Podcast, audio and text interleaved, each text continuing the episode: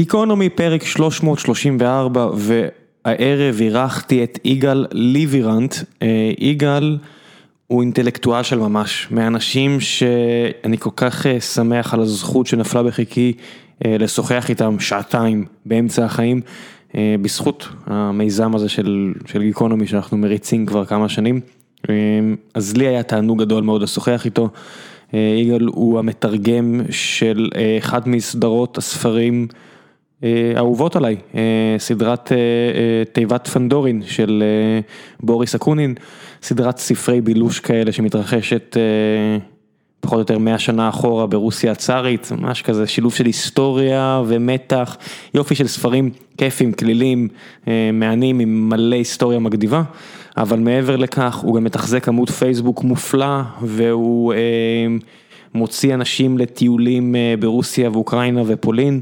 אז הוא גם מדריך טיולים ברמה מסוימת, והוא פשוט אדם תרבותי שחוקר מהפן האקדמי, הוא מתעסק בחקר רעיונות פוליטיים, אז הוא לא בדיוק היסטוריון, אבל מן הסתם הוא יודע המון על היסטוריה, אז דיברנו על רוסיה והיסטוריה אמריקאית ועל סופרים ועל יצירות ספרותיות. ועל שלל נושאים, פשוט לא יכלתי להפסיק את השיחה הזו מרוב שהיה לי כיף, אז אני חושב שהגענו ליותר משעתיים, כמו הפרקים של פעם של גיקונומי שהיינו עושים, וגם הגענו לעלייה הרוסית של שנות התשעים, שיגאל נמנה עם חבריה ועל התחושות שלו לגבי הסיפור הזה, נושא שקצת עלה לכותרות לאחרונה. באמת פרק שמאוד נהניתי להקליט, ולפני שנגיע לאותו פרק, אני רוצה לספר לכם על נותני החסות לפרק הקרוב, וזה שוב חלל העבודה המשותף The Brain Embassy. אז כמו שאתם יודעים, אני לא לוקח כל חסות, וגם במקרה של ה-The Brain Embassy, הלכתי לראות את המשרדים, כי חללי עבודה משותפים יש רבים, מאז שהתחום הזה יצא בסערה לפני מספר שנים, וצצו כל מיני חיקויים כאלה ואחרים, אבל The Brain Embassy עושים משהו אחר, הם פשוט עושים חלל עבודה מוצלח, מעט מאוד גימיקים, ודגש על הפרטים הקטנים. הסתובבתי שם במשרדים, הם הראו לי את כל המחשבה שהם השקיעו בכך, בוא ניקח לדוגמה את העובדה שבכל משרד יש חלון, מסוג הדברים שהם די לוקסוס, שזה לא טריוויאלי בעיניי, ורמת הגימור של הרהיטים היא top top notch, והכל פנטסטי, זה הדברים האלו שאתם מגיעים למשרד, ובגלל זה גם חשוב לי שאני מגיע לעבוד עם נותני חסות, להגיע ולראות בעצמי, כי יש מקרים שבהם נחשפתי ואתה אומר, לא כל כך בא לי לפרסם אתכם, אני מודה. ועם החבר'ה האלה, זה הכי רחוק מהאמת, כי מה שהם מפרסם, הם לא מוכרים bullshit, הם לא מוכרים איזשהו גימיק כזה או אחר, הם פשוט אומרים, זה חלל עבודה באזור נוח בתל אביב, כשהכל בו טוב, וזה מה שגיליתי, החנייה נוחה, החלל נעים, החדרים מאובררים עם החלונות, מעוצבים כהלכה, הכל נראה טוב ויוקרתי. הפינות אוכל מאופיינות היטב, כל למשל העובדה שכל הבניין שייך לאותם בעלים שנפגש איתי, אז גם אין איזשהו ספק לגבי השרידות הפיננסית, זה לא איזשהו סטארט-אפ שמנסה את מזלו באזור חללי העבודה, ואולי יפשוט את הרגל עוד חצי שנה, ואז לכו תדעו מה יהיה עם המשרד שלכם. בגלל תקופת הקורונה הנוכחית הם יצאו במבצע של הנחות משמעותיות לחודשיים הראשונים לשירותכם, אז גם תוכלו להיכנס, לראות, אני אשאיר לכם לינק שבו תוכלו לקבל עוד פרטים ולהגיע להתרשמות בעצמכם, כשאתם מגיעים לשכור משרד לחברה שלכם, זה הרבה פעמים החלטה קשה, אבל אם יש לכם אפשרות להשקיע במשרדים טובים, אני ממש אשמח אם תדברו עם החבר'ה של The Brain Embassy, תשקלו אותם.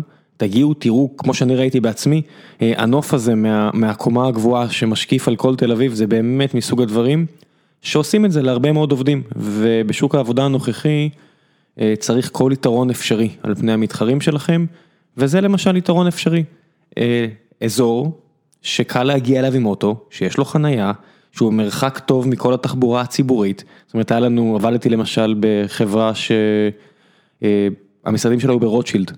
שזה נחשב, אתה יודע, אתם יודעים, האזור הכי טוב, הכי שווה, הרחוב הכי מעניין בתל אביב, אממה, תחבורה ציבורית, נורא קשה להגיע לשם, ואם אתה רוצה להגיע עם אוטו, אז מהכניסה לתל אביב ועד לשם, זה עוד רבע שעה בבוקר, אז זה חיסרון, והרבה אנשים אמרו לי, אנחנו לא רוצים לעבוד שם, מהסיבה הזו, נשמע קטנוני, אבל כן, היום אנשים יש להם את הלוקסוס לבחור את מקום העבודה שלהם, לפחות אנשים מאוד טובים ומבוקשים, אז יש להם את הלוקסוס לבחור את מקום העבודה כראות עיניהם, זה הסיטואציה, תאהבו את זה או לא, ואם אתם בעלי עסקים ורוצים להשיג כל יתרון אפשרי, זה מתחיל מהמשרדים שלכם, ו-The Brain Embassy זה יופי של בחירה, אז אני אישית ממליץ ואני אשאיר לכם לינק, ואם באמת גיליתם כי טוב, תודיעו לי, אני אשמח לקבל פידבק מכם. ועכשיו, גיקונומי, פרק 334, תהנו.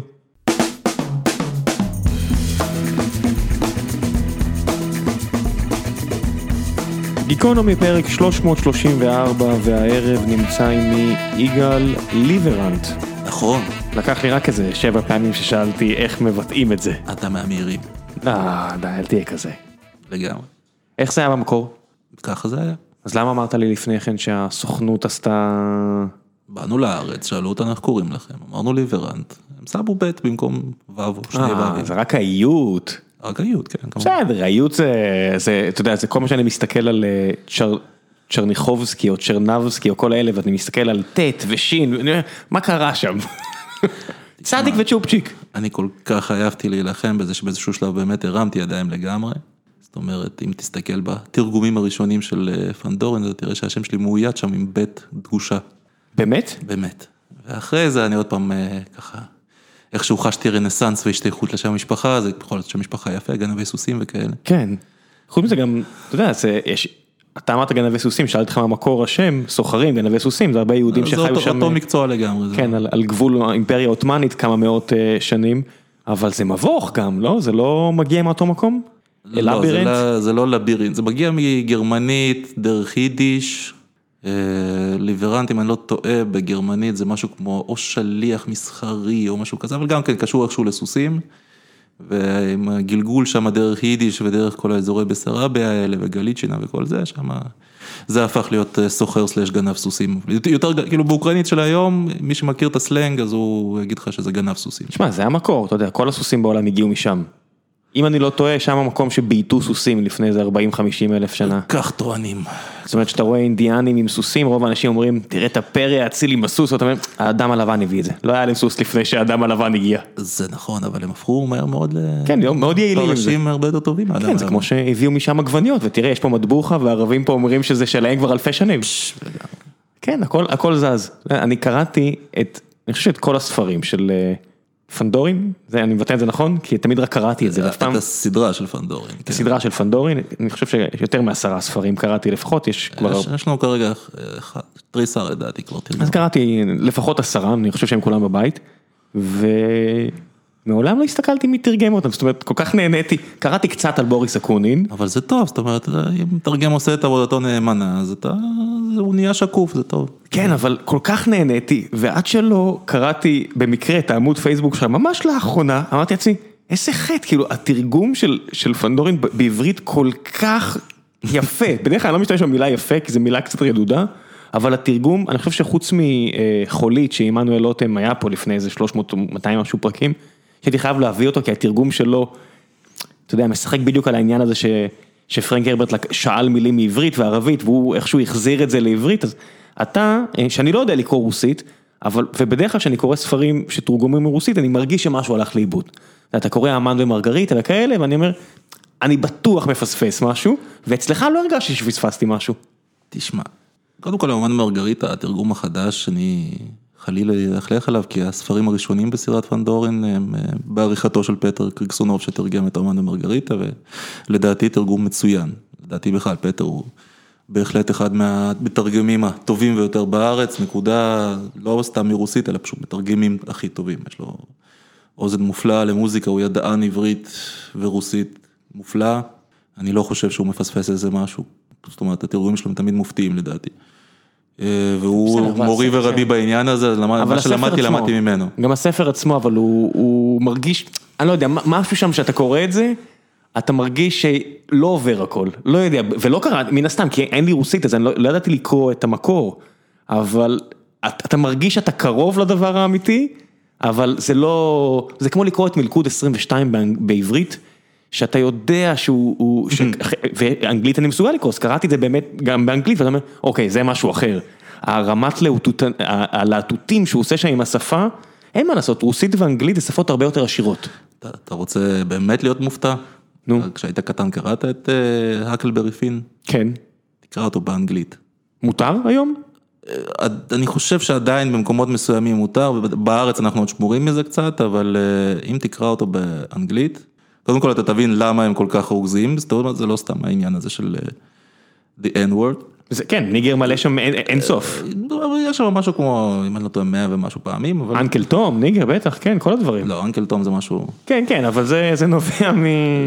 זה nigger Jim, כאילו. כן, nigger Jim, כן. אבל אה, מעבר לזה, טוויין לקח שם את השפה של הדרום שהוא הכיר כאילו מילדות, והשתמש בשפה הזאת, זו שפה של אה, כושים, זו שפה של שכבות, כאילו white trash כזה ממש נמוך, זאת אומרת, האקלברי פין הוא בן של נווד, כן? הוא בעצמו נווד, בן של השיכור ה town drunk כזה, זה אבא שלו, והוא משתמש שם בשפה שהיא לגמרי לגמרי אותנטית של השכבות האלה. וזו חוויה, אתה לא רואה, לא, לא, לא תראה אנגלית כזאת בשום מקום אחר, בשום מקום אחר, אני מבטיח. כן, אני מאוד זה. מדהים, אתה באמת צולל לתוך זה ואתה מבין שאתה כאילו, לא משנה כמה התרגום יהיה טוב, נגיד ברוסית יש תרגום מדהים של הקלברי פין, מדהים, באמת, אה, מתרגמת. משכמה ומעלה תרגמה את זה לרוסית, יש את התרגום הקנוני, אבל זה ספר שונה לגמרי. כי, כי, כי השפה היא חלק עצום מהמעמדות שם, זה כמו, אתה יודע, שאתה קורא למשל את, אה, את ענבי זעם, אז ה- ה- העליבות של האנשים שעוברים שם מאוקלאומה, כשמגיע האבק והם עוברים. ל-Let's go to California וכל הדברים האלה, אתה יכול לנגן את זה בראש שלך, שהם מגיעים לארץ האורצ'ידס וכל הירוק הזה והם עלובים ומאובקים, השפה מעבירה את זה, או אתה יודע מה, תפסן בשדה השיפון. אה, אין לך, אתה יודע, בעברית הוא רושם, אין לך פרצוף להראות, או אין לך דם, או כל מיני מושגים כאלה שאתה, אני אומר, אוקיי, אני מניח שזה איזשהו סלנג אמריקאי, וזה לא עובר לעברית.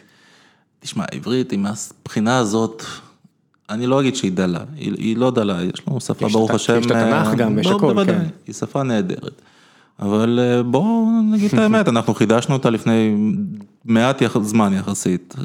היא משתנה במהירות עצומה, כן, ככל שהדורות עוברים.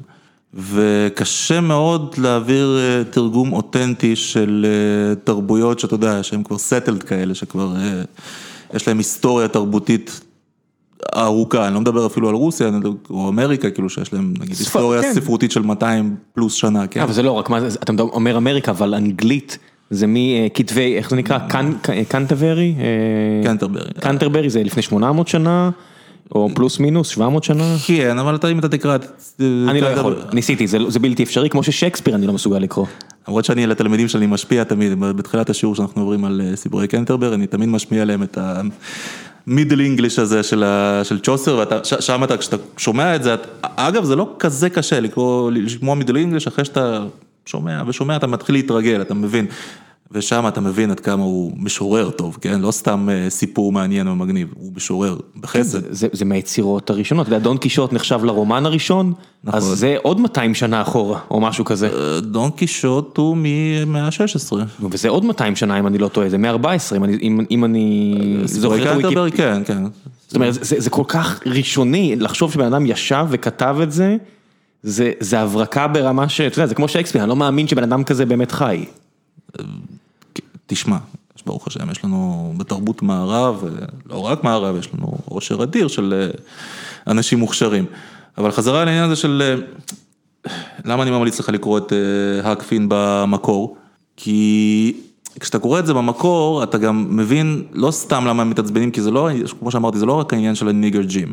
זה מעט, כי טוויין זה, זה רומן שהוא אנטי גזעני מצד אחד. אבל טוויין הוא לא יכול להתנער מהעובדה שהוא גדל שם בדרום וכל כמה שהוא נגד העבדות הוא עדיין חושב שהכושים הם אה, במידה מסוימת נחותים ממך. אנטי גזעני שלפני 100 שנה זה האולטרה שמרן של היום. אני לא חושב שטוויין הוא אולטרה שמרן של היום, טוויין היה, היה לו הלך רוח אנרכיסטי לעילה ולעילה, אבל אה, כשאתה קורא את זה אתה מבין שיש שם כמה מקומות שהוא עושה פשרה והולך לקראת, הקור... לקראת הקוראים שלו, שהוא מניח שהם יותר גזענים גם ממנו, והוא הופך את אה, ג'ים לנלעג. זאת אומרת, יש שם כמה מקומות שג'ים מתעלה ל... באמת גבהי רוח יפים מאוד, ואתה מראה, הוא מראה מאוד יפה את, את האנושיות שלו, והאק, הוא מבין את האנושיות הגדולה של ג'ים. אבל יש מקומות, בהחלט יש מקומות בספר, שהאק מתחיל לנהל עם ג'ים דיאלוג של מה שנקרא variety shows האמריקאים שהיה באותו זמן, אתה יודע מה זה variety show? לא. זה כשיושבים אה, שני אנשים על הבמה, כן, מול הקהל, לשניהם יש blackface, לבנים שצבועים בשחור, ומנהלים בעצם ביניהם דיאלוגים שנורא מצחיקים את הלבנים, כי הם מראים עד כמה אה, שהכושים... הם מלעיגים את השחורים. כן, או שיש לך אחד יושב על הבמה עם ה blackface ויש אה, mister narrator שהוא כאילו עומד שם לצד הבמה ושואל אותו שאלות. וההוא עונה לו כמו שכושי אמור לענות. ועכשיו... איזה גרסה מעוותת של המקהלה היוונית מפעם. כן, אבל מה שמדהים ברומן הזה, כשאתה קורא אותו באנגלית, אתה מבין שפתאום השפה משתנה. כי לפני שנייה שניהם דיברו בשפת התחתית הזאת, הביבים, אבל אותנטית כזאת מאוד, ופתאום... הקלברי פין הופך להיות ילד לבן, משכיל, מחונך, לא ילד אפילו, כן. מבוגר, לבן, מחונך, ששואל, ומה דעתך על זה ג'ים, ואיך היית נוהג במקרה הזה ג'ים, וג'ים עושה לו את התשובות המטופשות האלה, הוא אומר, אם אתה זוכר, יש שם קטע כזה כן. בהתחלה, שהוא שואל אותו, ג'ים אומר לו, אני, יש סימן אה, כזה, יש אמונה תפלה כזאת, הוא לא אומר אמונה תפלה, הוא אומר שאנחנו יודעים שמי שיש לו ידיים שעירות הוא יהיה עשיר. ואני, יש לי ידיים שעירות, ואז אה, בדיוק מתחיל הדיאלוג הזה של אה, מרק טוויין הולך להצחיק את הקוראים שלו, ואז האק יוצא לגמרי מהדמות שלו ומתחיל לשאול אותו שאלות כאלה בשפה מליצית ונכונה. שואל אותו, ובוא תספר לי ג'ים, אז איך היית עשיר? בוא תספר לי. אז הוא אומר לו, אני השגתי איפשהו דולר, ומה עשית עם הדולר הזה? אז ג'ים אומר לו, אני השקעתי אותו במניות, in stock. זה משחק מילים, כי הוא כמובן השקיע אותו, הוא קנה, כן. לא, לא, הוא קנה פרה. כן, בעצם אוקיי. זה בקר, כן? כן. 아, קניתי סטוק, פרה כן. ואז היא מתה לי ואז עוד פעם נהייתי עני, אבל אני יודע בגלל שיש לי כל מיני דיאלוגים כאלה שזה לגמרי לגמרי משחק לקראת הקהל. עכשיו, מרק טוויין, אתה יודע, לא היה איזה אינטרנט, איך אתה מקדם ספר, אתה נוסע ברחבי הארץ, ואתה עושה הרבה קריאה כמו שעדיין נוהגים לעשות. עדיין עושים, כן. נכון. אבל אז היה הדבר העיקרי לעשות. והוא שם לב שזאת אומרת, זה המקומות שבהם הקהל מגיב הכי טוב, הכי צוחק, הכי נהנה והכי קונה את הספרים אחרי זה. והוא הרבה במקרים כאלה, ואם אתה זוכר שם בסוף בסוף, אז כשתום סויר מגיע ומתחיל לשגע את ג'ים לעשות לו כל מיני, להפוך אותו לרוזן ממונטה קריסטו שם בצריף הזה שממנו ג'ים יכול לפתור את הדלת ולצאת, הוא, הוא, שבוי, הוא יושב שם שבוי, כאילו עבד שנלכד. אז אה, בעיקרון הוא יכול לצאת מהצריף הזה וללכת הביתה, אבל תום אומר לו לא לא, אני, אנחנו נשחרר אותך ואנחנו נעשה את זה בצורה קלאסית כמו שצריך, כמו שכתוב בספרים, והופך אותו לזון מונטה קריסטו, שם לו שם נחשים ועכברים שהוא צריך לאלף אותם כמו, אתה יודע, אה, האסירים האלה בכל מיני מצודות ברומנים גותים אירופאים, והוא משגע אותו וג'ים הוא כאילו לגמרי מסכים עם זה כי הוא כמו ילד, כן? הוא כושי, כאילו מה הוא מבין?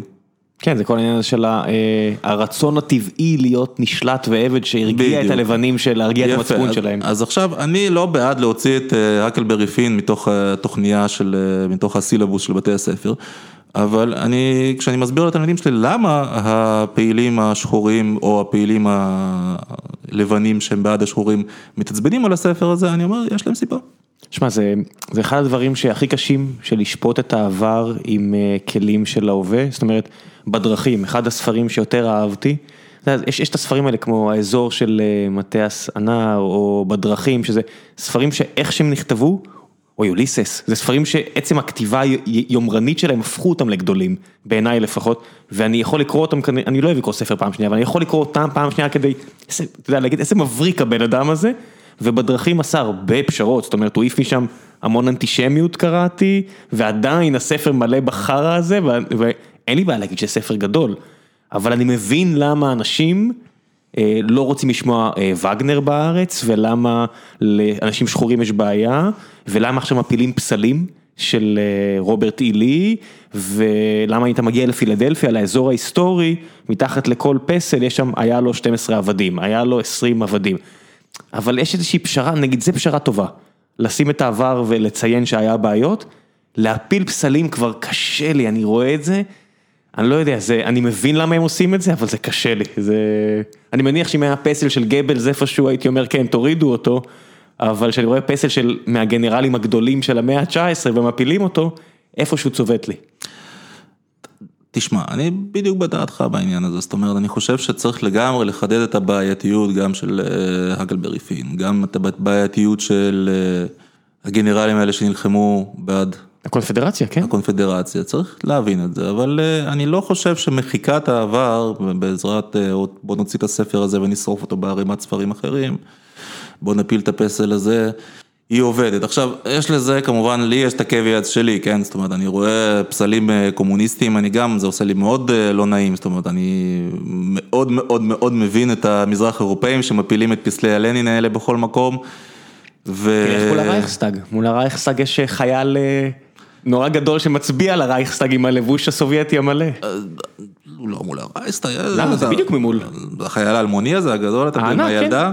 אה, הוא בפארק שם. כן. בפארק, זה זה מעבר לפארק, זה כן. ממש, אתה יודע, במרחק עין. טרפטוף, נגיד, כן. שמה.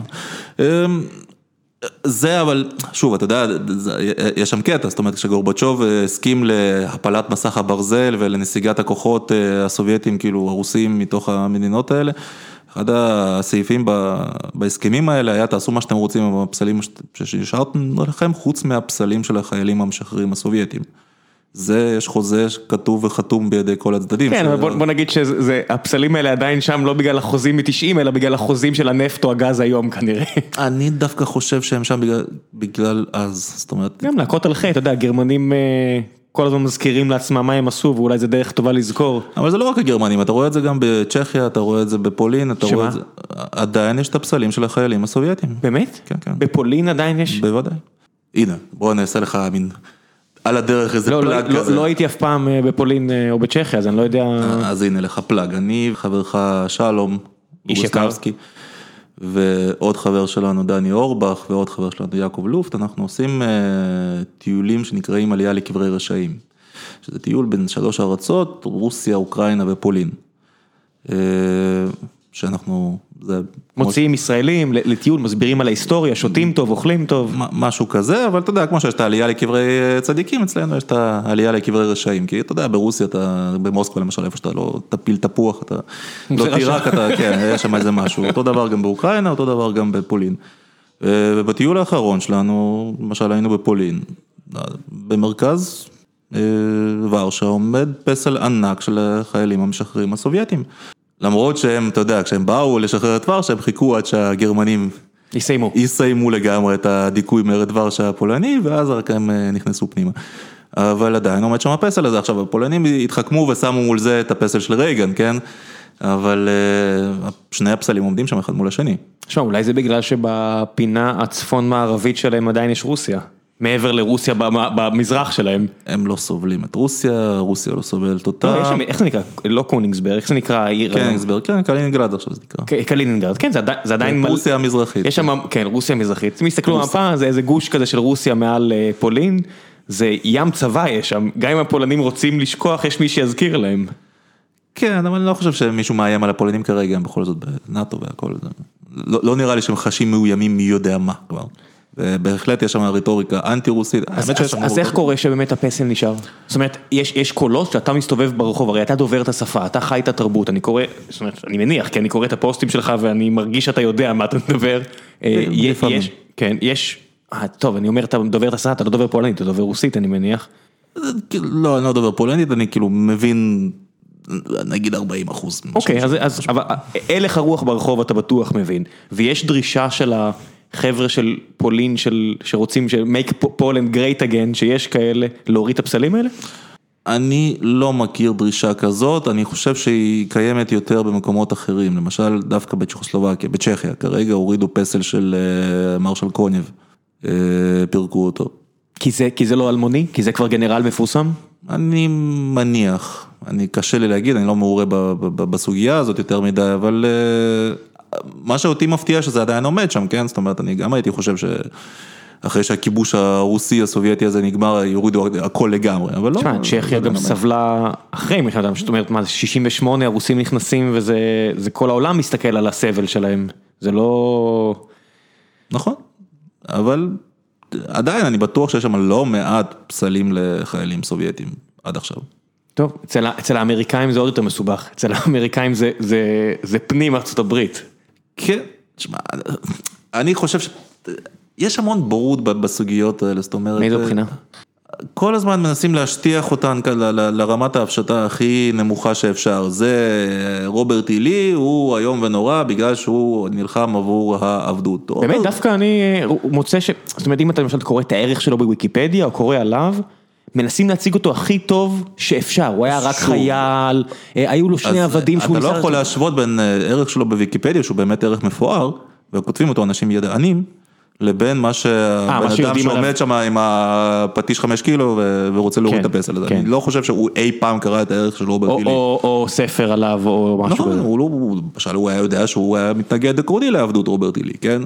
כן, אני, אתה יודע, בכלל, לספר לאנשים, לפעילים האלה של אנטיפה, שלצד הדרום נלחמו לא מעט שחורים, כולל עבדים, לא רק שחורים משוחררים. כן, אז בוא נגיד שהשחורים שנלחמו לצד מדינות הקונפדרציה, זה באמת רוברט הילי זה דמות באמת מעניינת, כי הוא באמת היה נגד, זאת אומרת, אפשר לרוץ ולהגיד שהיה לו עבדים, והוא העניש ב- בעונשים מאוד חמורים את העבדים שברחו לו, אבל עדיין הוא אמר, כל עוד יש, יהיה לי, אבל אני לא רוצה את זה, זאת אומרת, אני אלחם עם המדינות שלי, כי אני חייל נאמן למדינות שלי, אבל הוא היה נגד בכלל. המצב לא היה כזה שחור, והיו המון אנשים בצפון שהיו גזענים מטונפים. בוודאי, זאת אומרת, אני חושב שהיה מעט מאוד אנשים בכלל באמריקה באותו זמן, או בעולם, אם כבר אתה לוקח את זה, שלא היו גזענים ברמה כלשהי. כן, גם 60 שנה אחרי, טדי רוזוולט הראשון שמביא אדם שחור לבית הלבן, אז זו הייתה הפעם הראשונה והאחרונה שהוא הביא, הוא הביא פעם אחת בכהונה השנייה או הראשונה, אה, הוא הזמין, אני חושב בראשונה, הוא הזמין אדם שחור לבוא, אה, פעם השנייה שהוא בעצם זכה, אה, הוא הזמין אדם שחור לבוא לבית הלבן, הוא ראה את המהומה שנוצרה, ואנחנו מדברים פה במאה ה-20, אנחנו מדברים מאה ה-19, ויותר לא היה אדם שחור בת- בתקופה שלו. וזה הנשיא, וזה עוד נשיא שנחשב לאחד מהחמישה הכי טובים, שהוא על מאונט רשמור, והוא הנשיא, אחד מהנשיאים, וגם הוא היה גזען. כן, אז זאת אומרת, זה, השאלות האלה הן שאלות מורכבות, אני לא אוהב את הניסיונות משני הצדדים להשטיח אותם, זאת אומרת גם כש... כשמנסים לספר לי גם שאתה יודע, המדינה, בסוף המלחמה הזאת נוהלה על כל מיני עניינים אה, קפיטליסטיים כאלה ואחרים, הצפון הקפיטליסטי מול הדרום החקלאי וכל מיני שטויות. עכשיו. אתה מתעצבן על? קודם אני מתעצבן על כל הצדדים שמרגיזים ומנסים לעשות את זה חד-ממדי. זאת אומרת, היה ברור לגמרי שהמלחמה הזאת היא על עבדות, לינקולן נבחר על שאלת העבדות, המפלגה הדמוקרטית, הוא נבחר בגלל שהמפלגה הדמוקרטית התפצלה, הצפוניים היו נגד העבדות, הדמוקרטים, הדמוקרטים הדרומיים היו בעד העבדות, היא התפצלה, לא היה לו תחרות, הוא נבחר למרות שלא היה אמור להיבחר. אה, והשאלה, אבל בד בד בבד, לינקולן אמר, אם הייתי יכול לשמור על האיחוד בלי לשחרר עבדים, הייתי שומר בלי לשחרר עבדים, אם הייתי יכול לשמור על האיחוד לשחרר חלק מהעבדים, הייתי משחרר חלק, כן. ואם אני צריך לשחרר את כולם, אז אני אשחרר את כולם. היה, יש את אה, ההיסטוריה העממית של ארצות הברית, שהאוורד זין אוהב לשטח דברים, אבל עדיין נורא מעניין לקרוא את הספר הזה, והוא מראה את דרך הנאומים של לינקולן, איך האיש היה די יאיר לפיד. הוא כל נאום, והוא היה נותן נאומים של שעתיים כל יום, כי אז לא היה רדיו, או טלוויזיה, או פייסבוק כדי להעביר את זה במס מידיה, היית צריך להגיד אותו דבר ערב אחרי ערב, בנאומים ארוכים, איך כל נאום היה מותאם לאוזן שהקשיבה. לינקולן שנחשב לאדם המוסרי, שאם לא בוס ואם הוא לא נרצח הוא היה מוביל את ארצות הברית לא יודע לאן, היה ממש יאיר לפיד, כל נאום הוא התאים בדיוק, אם זה תעשיינים בצפון, אל תדאגו אנחנו נשחרר אותם, אבל נדאג שהם ימשיכו לעבוד בכלום כסף, ואם זה אנשים עניים, לבנים עניים, אתם גם תשוחררו, ואתה יודע, פוליטיקה היא פוליטיקה, כן. היו מעט מאוד צדיקים והם לא נבחרו לכלום. יכול להיות שהוא היה צדיק, אבל אנחנו לא יכולים לשפוט את הצדיקות שלו לפי הנאומים שהוא נתן. צריך לשפוט לפי המעשים, אני חושב שהוא הוא הסתכן לא מעט במעשים שלו. עשה דברים גדולים. טוב מאוד. אתה יודע, ישב פה, אה, אם מדברים על רומנטיקה אה, מזויפת, ישב פה השגריר של האיחוד האירופי לא מזמן, לפני איזה חודש. ואחד הדברים שהכי מטריפים אותו, דיברנו על זה אחרי השידור, על החיבה של ישראלים לכוח של פוטין. והוא אמר, לא משנה כמה שנים אני פה, אני לא מצליח להבין את הסטייה הזו שלכם, של לכבד כוח של מדינה כל כך כושלת. הוא הוא- מה הוא אמר לי? יש, לזה, יש להם את האיחוד, יש להם את התל"ג של ספרד, שהיא מדינה מאוד אה, לא מוצלחת אצלנו, ואתם מתלהבים מהם, מה יש לכם? אמרתי לו, ישראלים אוהבים כוח. ופוטין מציג את עצמו באדם חזק. ואתה יודע שאתה חוקר את התרבות הרוסית ומתרגם ספרות רוסית ומוביל אה, טיולים לרוסיה, אתה, יש לך תשובה בעצם להערצה הזו כלפי פוטין במדינות כמו ישראל? אצל חלק מהציבור בטח, לא אצל כולם. אז קודם כל, בוודאי שחלק מהציבור. בוודאי שזה חלק, כן. אני חושב שזה גם חלק לא גדול. ואני חושב שכמו כל דבר מהסוג הזה, הוא יותר קשור בבורות מאשר בהבנה האמיתית של מהו פוטין. פוטין הוא לא בדיוק אדם חזק, כי מה, מה אנחנו, במה נשפט מנהיג חזק? מהם הקריטריונים להגדיר מנהיג חזק? אתה יכול להגיד שנים בשלטון, אתה יכול להגיד הצלחה בתקופה שלו של המדינה, אתה יכול להגיד מורשת, אתה יכול להגיד אה, אה, או יציבות מופלגת או שינויים אה, קיצוניים, אתה יודע, אלכסנדר מוקדון זה לא איזה אה, מופת של יציבות, סך הכל מה הוא, הריצה שלו הייתה 7-8 שנים. 12 פלוס. כן, הוא מת בגיל 32, 33 פלוס מינוס, ואי אפשר להגיד שהוא לא היה מנהיג חזק, חצי מההיסטוריה אנשים רק אה, דמיינו שהם הוא. אז אתה מבין, הרבה פעמים זה איך שאתה מצליח לצייר את הנרטיב שלך, הרי זה הכל פיקציה. אני לא חושב שהכל פיקציה. אבל הרבה, הרבה... ברגע שאתה יורד לדבר, הנה, בדרך לפה שמעתי את ויקטור דויד הנסון, יש לו את הספר החדש הזה שלו, את Culture and Carnage, על מדוע המערב ניצח את כולם, מה, מהי המסורת הצבאית של המערב, ואיך היא קשורה לכל מיני דברים תרבותיים של המערב, כמו אינדיבידואליות ודמוקרטיה וכל מיני דברים כאלה. הבן אדם שם אומר, עכשיו אני לא אומר שאני מסכים איתו במאה אחוז, אבל הוא אומר, אנשים, על מה אתם מדברים, אלכסנדר הוא היטלר, זאת אומרת, הוא לגמרי היטלר, הוא היה... גיס חאן הוא היטלר, אלכסנדר הוא היטלר, כל האנשים האלה רצחו מיליונים. נכון. זה פשוט, זה עניין של, אתה צריך לדעת מה הבן אדם עשה. זאת אומרת, וגם עם פוטין, הבן אדם בא מכלום, זאת אומרת, הוא היה פקיד אפורי שסחב את התיק של ראש העיר של פטרבורג, אוקיי? שהיה נחשב לליברל גדול, ופוטין שהיה לידו היה פקיד אפורי, משנה שלו לעניינים של שיתוף פעולה. איש עם... קטן מאוד, הוא מטר שישים ומשהו, כן. הוא נראה גדול בתמונות, הוא איש קטן ו... ונחבא לכלים היה. איש קטן ואפורי שהיה אחראי על לנסות לתאם הגעת עסקים זרים לפטרבורג הענייה של תחילת שנות ה-90. על הדרך גנב המון המון המון המון המון כסף. בשוחד כזה ואחר, זאת אומרת, כדי לארגן לאיזשהו בנק מצרפת בניין היסטורי בפטרבורג, אז הרבה כסף מחליף שם ידיים. אז בצורה כזאת הוא הגיע ל... עד ללשכה של הנשיא ילצין. שם באיזשהו שלב מינו אותו לראש השירות הביטחון. ובאיזשהו שלב הוא נהיה באמת הדמות האפורית והחלשה הזאת שהייתה מקובלת על כולם לרשת את ילצין. איזה קלאסי השיר טמבל, אה? אתה יודע, מה זה של סלוצקי או של, בתרגום של ארכדי דוכין, של ויסוצקי, של ויסוצקי, לא סלוצקי, כן, ויסוצקי, סליחה, של, אתה יודע, בסוף הבן אדם מתיישב על הכיסא. כן, עכשיו, אני לא חושב שהוא טמבל, אבל אני לא חושב שהוא... גם לא גאון גדול, אתה יודע. לא צריך להגזים בגאונותו, לא צריך להגזים בנחישותו, הבן אדם היה פשרה שהייתה מקובלת על כולם באותו זמן, על כל האליטות הבנקאיות, הפוליטיות, הכאלה ואחרות של משרדי הביטחון. והוא התיישב, ולמזלו הרב האמריקאים התחילו את הפלישה לעיראק, והמחירי נפט פתאום שהיו בתחתית בשנות ה-90 פתאום זינקו. והנפט הרוסי היה הרבה יותר זמין מאשר הנפט מעיראק ובכלל מהמזרח התיכון.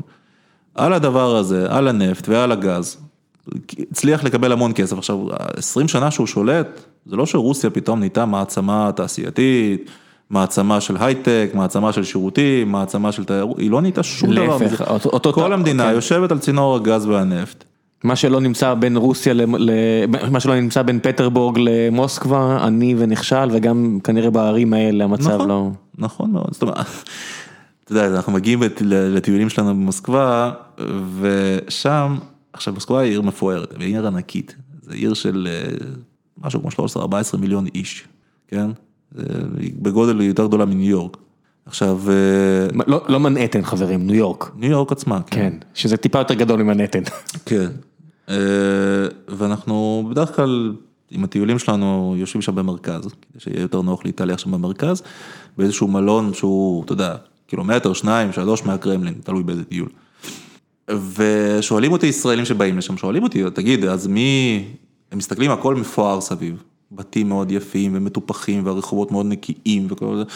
אומרים לי, אז מה, מי האנשים שגרים פה? אני אומר להם, לא גרים פה אנשים. קילומטר מקרמלין, אתם חושבים שגרים פה אנשים? או שני קילומטרים או שלושה? לא, מוסקבאי ממוצע, הוא גר בפרברים.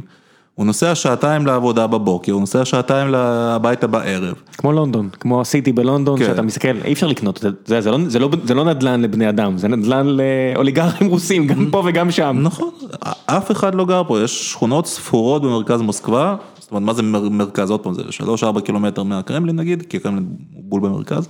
שיש שכונות ספורות ששם נשארו לגור אנשים שגרו שם לפני 20 שנה, אבל הן ספורות ממש, והבתים האלה הם ספורים. כל מה שנמצא קילומטר מהקרמלין, שני קילומטר מהקרמלין, ששם נמצאים רוב הטיולים של, של כולם, אף אחד לא גר פה. אתם לא מבינים, זה, זה פשוט לא משהו שבן אדם מהשורה יכול להרשות לעצמו. מה זה בן אדם מהשורה? זה גם מישהו שהוא עשיר, אבל לא, מיל... אתה יודע, לא ממש עשיר לא יכול לגור שם, זה, זה, זה נדל"ן ברמה מטופשת. כן, כן, כן. אז אה, זה מנהיג חזק, זאת אומרת, המדינה חיה על צינור, יש בה, מי שנהנה ממנו זה האוליגרכים ומלחכי הפנחה של, אה, של השלטון, שזה עוד פעם האוליגרכים. הפקידים שם לא מתביישים כאילו להופיע בציבור עם שעונים שעולים חצי מיליון דולר. באמת, בואו תדמיינו לעצמכם, נתניהו מופיע בציבור עם שעון שעולה, עזבו חצי מיליון דולר, חמישים אלף דולר שעולה. לא, דווקא אה, יש לי אה, בטוויטר איזה באר שבעי אה, נהדר בשם אלון זבולון, שגם אוהד הפועל באר שבע, בגלל זה התחלתי לעקוב אחריו, והוא פנאט של שעונים. וכל פעם שיש תמונה של מישהו עם שעון, הוא יודע להגיד, אה, זה פתק פיליפ, או לא יודע מה, זה ככה, זה ככה, זה ככה, ולתת את המספר. אז עכשיו שנתניהו הצטלם בחדר כושר, היה איזה שהוא, לא יודע, בסוף שבוע הצטלם בחדר כושר, אז הוא אמר, אה, זה שעון, זה 11 אלף דולר, והמכנסיים זה ככה, ואז אמרתי, וואו, אתה יודע, אז זה, זה כנראה יהיה התקרה, כי גם נתניהו לא יעשה משהו שיהיה בוטה מדי, זאת אומרת, הוא יקנה את השמפניות, הוא יקנה את הסיגרים, יהיה לו את הבית בקיסריה, אבל זה ייעצר שם. זה לא ייתכן למנהיג במדינה דמוקרטית מערבית, לצאת לקהל בעודו מנהיג, זאת אומרת אחרי, לא, מלבד, מלבד, פרשת, תקנה מה שאתה רוצה. לא, יש, יש ברלסקוני ויש טראמפ, אתה יודע, בסוף אנחנו, יש כבר, יש כבר את החריגים האלה, וגם אוקיי. בלומברג, תסתכל, יש במדינות מערב כבר מיליארדרים שהם סלף, שהם באמת מיליארדרים. אני לא חושב שבלומברג יכול להרשות לעצמו לצאת למצביעים. כן, אבל יש לו את הכסף. ברור שיש לו את הכסף. כן. בסדר. הוא פשוט לא רוצה לנקר עיניים עד כדי ככה. נתניהו יכול להרשות לעצמו שעון ב-50 אלף דולר, כן, בוא, אבל זה, זה, זה לא דבר שעושים. כן. זה לא דבר שעושים. ושם הם פשוט לא מתביישים, זאת אומרת, אתה, אתה פקיד שכל, שכל החיים שלך עבדת בשירות הציבורי, ויש לך פה דירה ב-100 מיליון דולר, ופה 70 מטר ממנה יש דירה שרשומה על אשתך, וגם היא עולה 70 מיליון דולר. זה, זה דברים שאנחנו לא מסוגלים לדמיין, זאת אומרת, כן. יש ברוסיה, מנהיג האופוזיציה כרגע ברוסיה הוא אלכסיי נבלני. שאתה כותב עליו לא מעט ואתה לא, אני לא לא כותב מפריז. עליו המון, אבל אני... מספיק כדי שאני אבחין בזה, אם עברתי אוקיי. הרבה על הפיד שלך, אז תשמע, זה, ראש האופוזיציה כרגע, זה הפוזיציונר היחיד שרואים אותו ושומעים אותו. שלא דחפו לו פלוטוניום ללב, כן. גם. הוא וקספרוב, פחות או יותר השניים היחידים שעומדים כן. אבל קספרוב שומר על מרחק, בטוח, אבל אה, נבלני נמצא שם ממש באמצע של כל הדבר הזה. כן. והוא מצא שיטה שבאמת מציקה להם, זאת אומרת, לשלטונות, הוא בקה אותם בכיס, הוא לא מדבר, אתם אה, לא נחמדים, אתם לא מוסריים, אתם זה, זה goes without saying, מה שנקרא.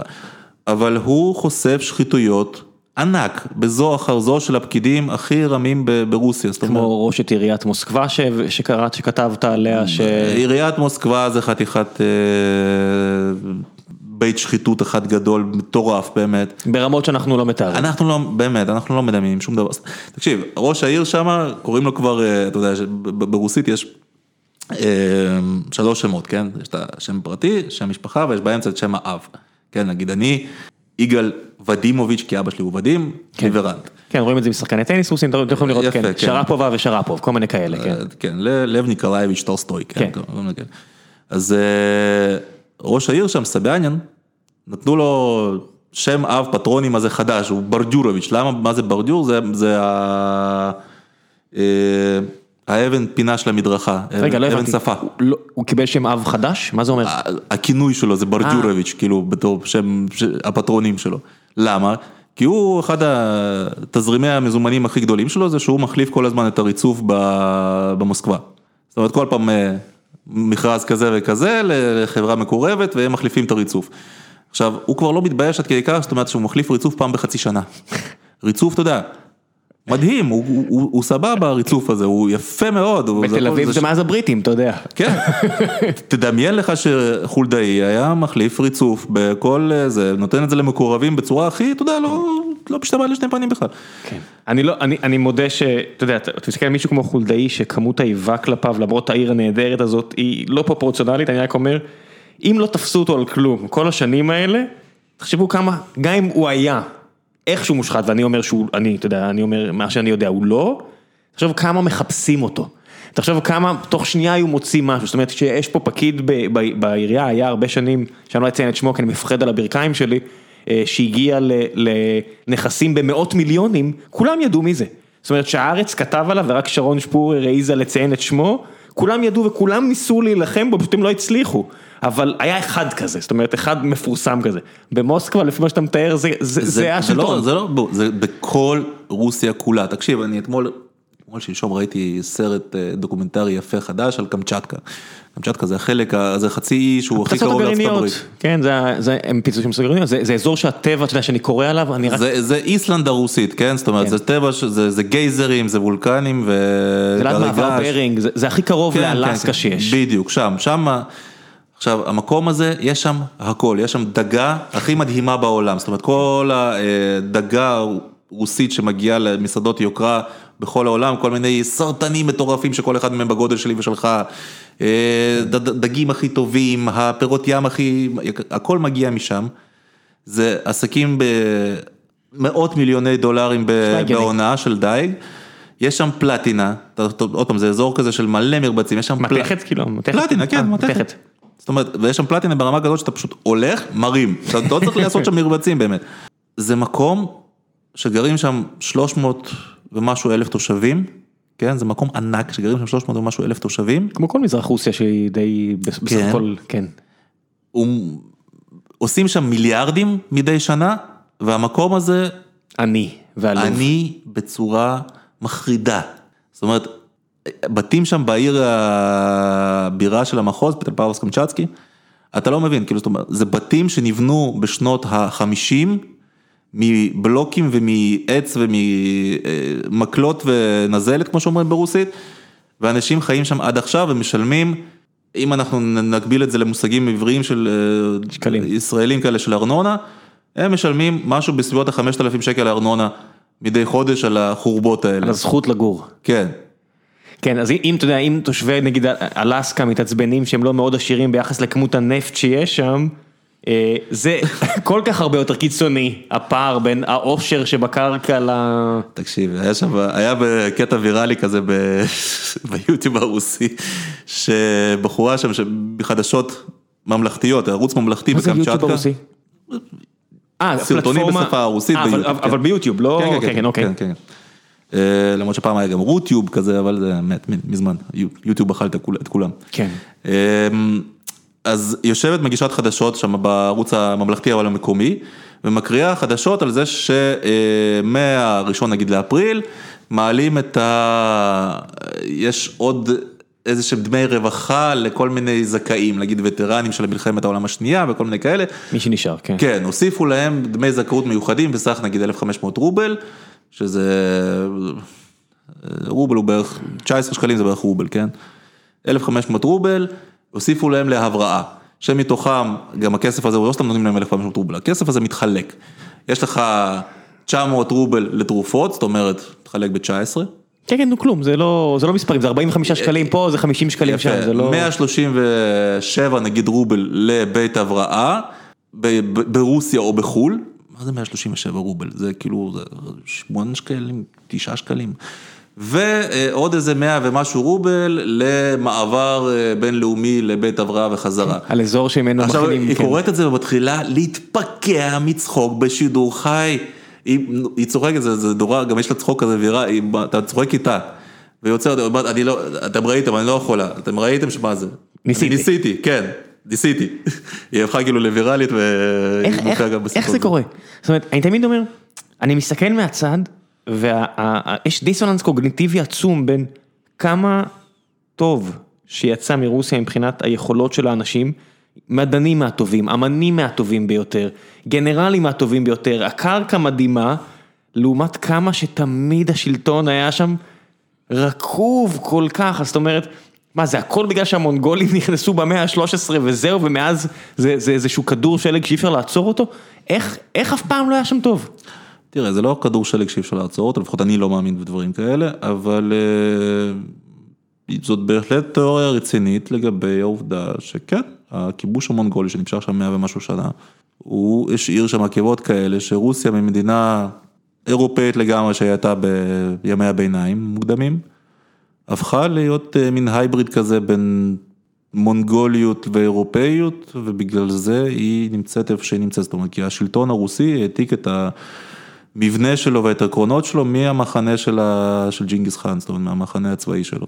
שיש לך בראש שליט, כן, שהוא מעל החוק. כן. הוא זה שמחליט מה זה חוק. שליט שדמותו היא אלוהית, אלוהית כן. כן. שליט שכולם במדינה, בלי יוצא מן הכלל, יש מעמדות במדינה, אבל כולם בלי יוצא מן הכלל הם עבדיו. אה, יש לו משטרה חשאית, כמו לג'ינגיס חאן, היה לו את הגוורדיה האישית שלו, השחורה, שהיא בעצם האנשים הכי חזקים במדינה, שהיא שירות הביטחון, זאת אומרת, אתה לא יכול לדמיין, כל כמה שהאמריקאים הם אה, פרנואידים לגבי ה-CIA וה-FBI וכל ה-NSA וכל הסיפורים האלה, הם לא מדמיינים לעצמם שסוכן FBI יכול להיות מעל התובע הכללי המחוזי שלך. זה לא ייתכן, זה לא דבר שיכול להיות. לא משנה מה הוא פדרלי, לא פדרלי, לא משנה כמה הוא סודי. יש לי פה פקיד ציבור נבחר, כן? איש ציבור נבחר. וברוסיה, במקומות כאלה, זה מאוד ברור, זאת אומרת, מגיע... אף פעם לא של דמוקרטיה. מגיע מבקר המדינה, הרוויזור, המחנה, הגדול של גוגול, כן? כן. מגיע איש הסתרים הזה מה, מהבירה, והוא יכול להפוך פה את כולם, וכולם יקלקקו לו את הנעליים.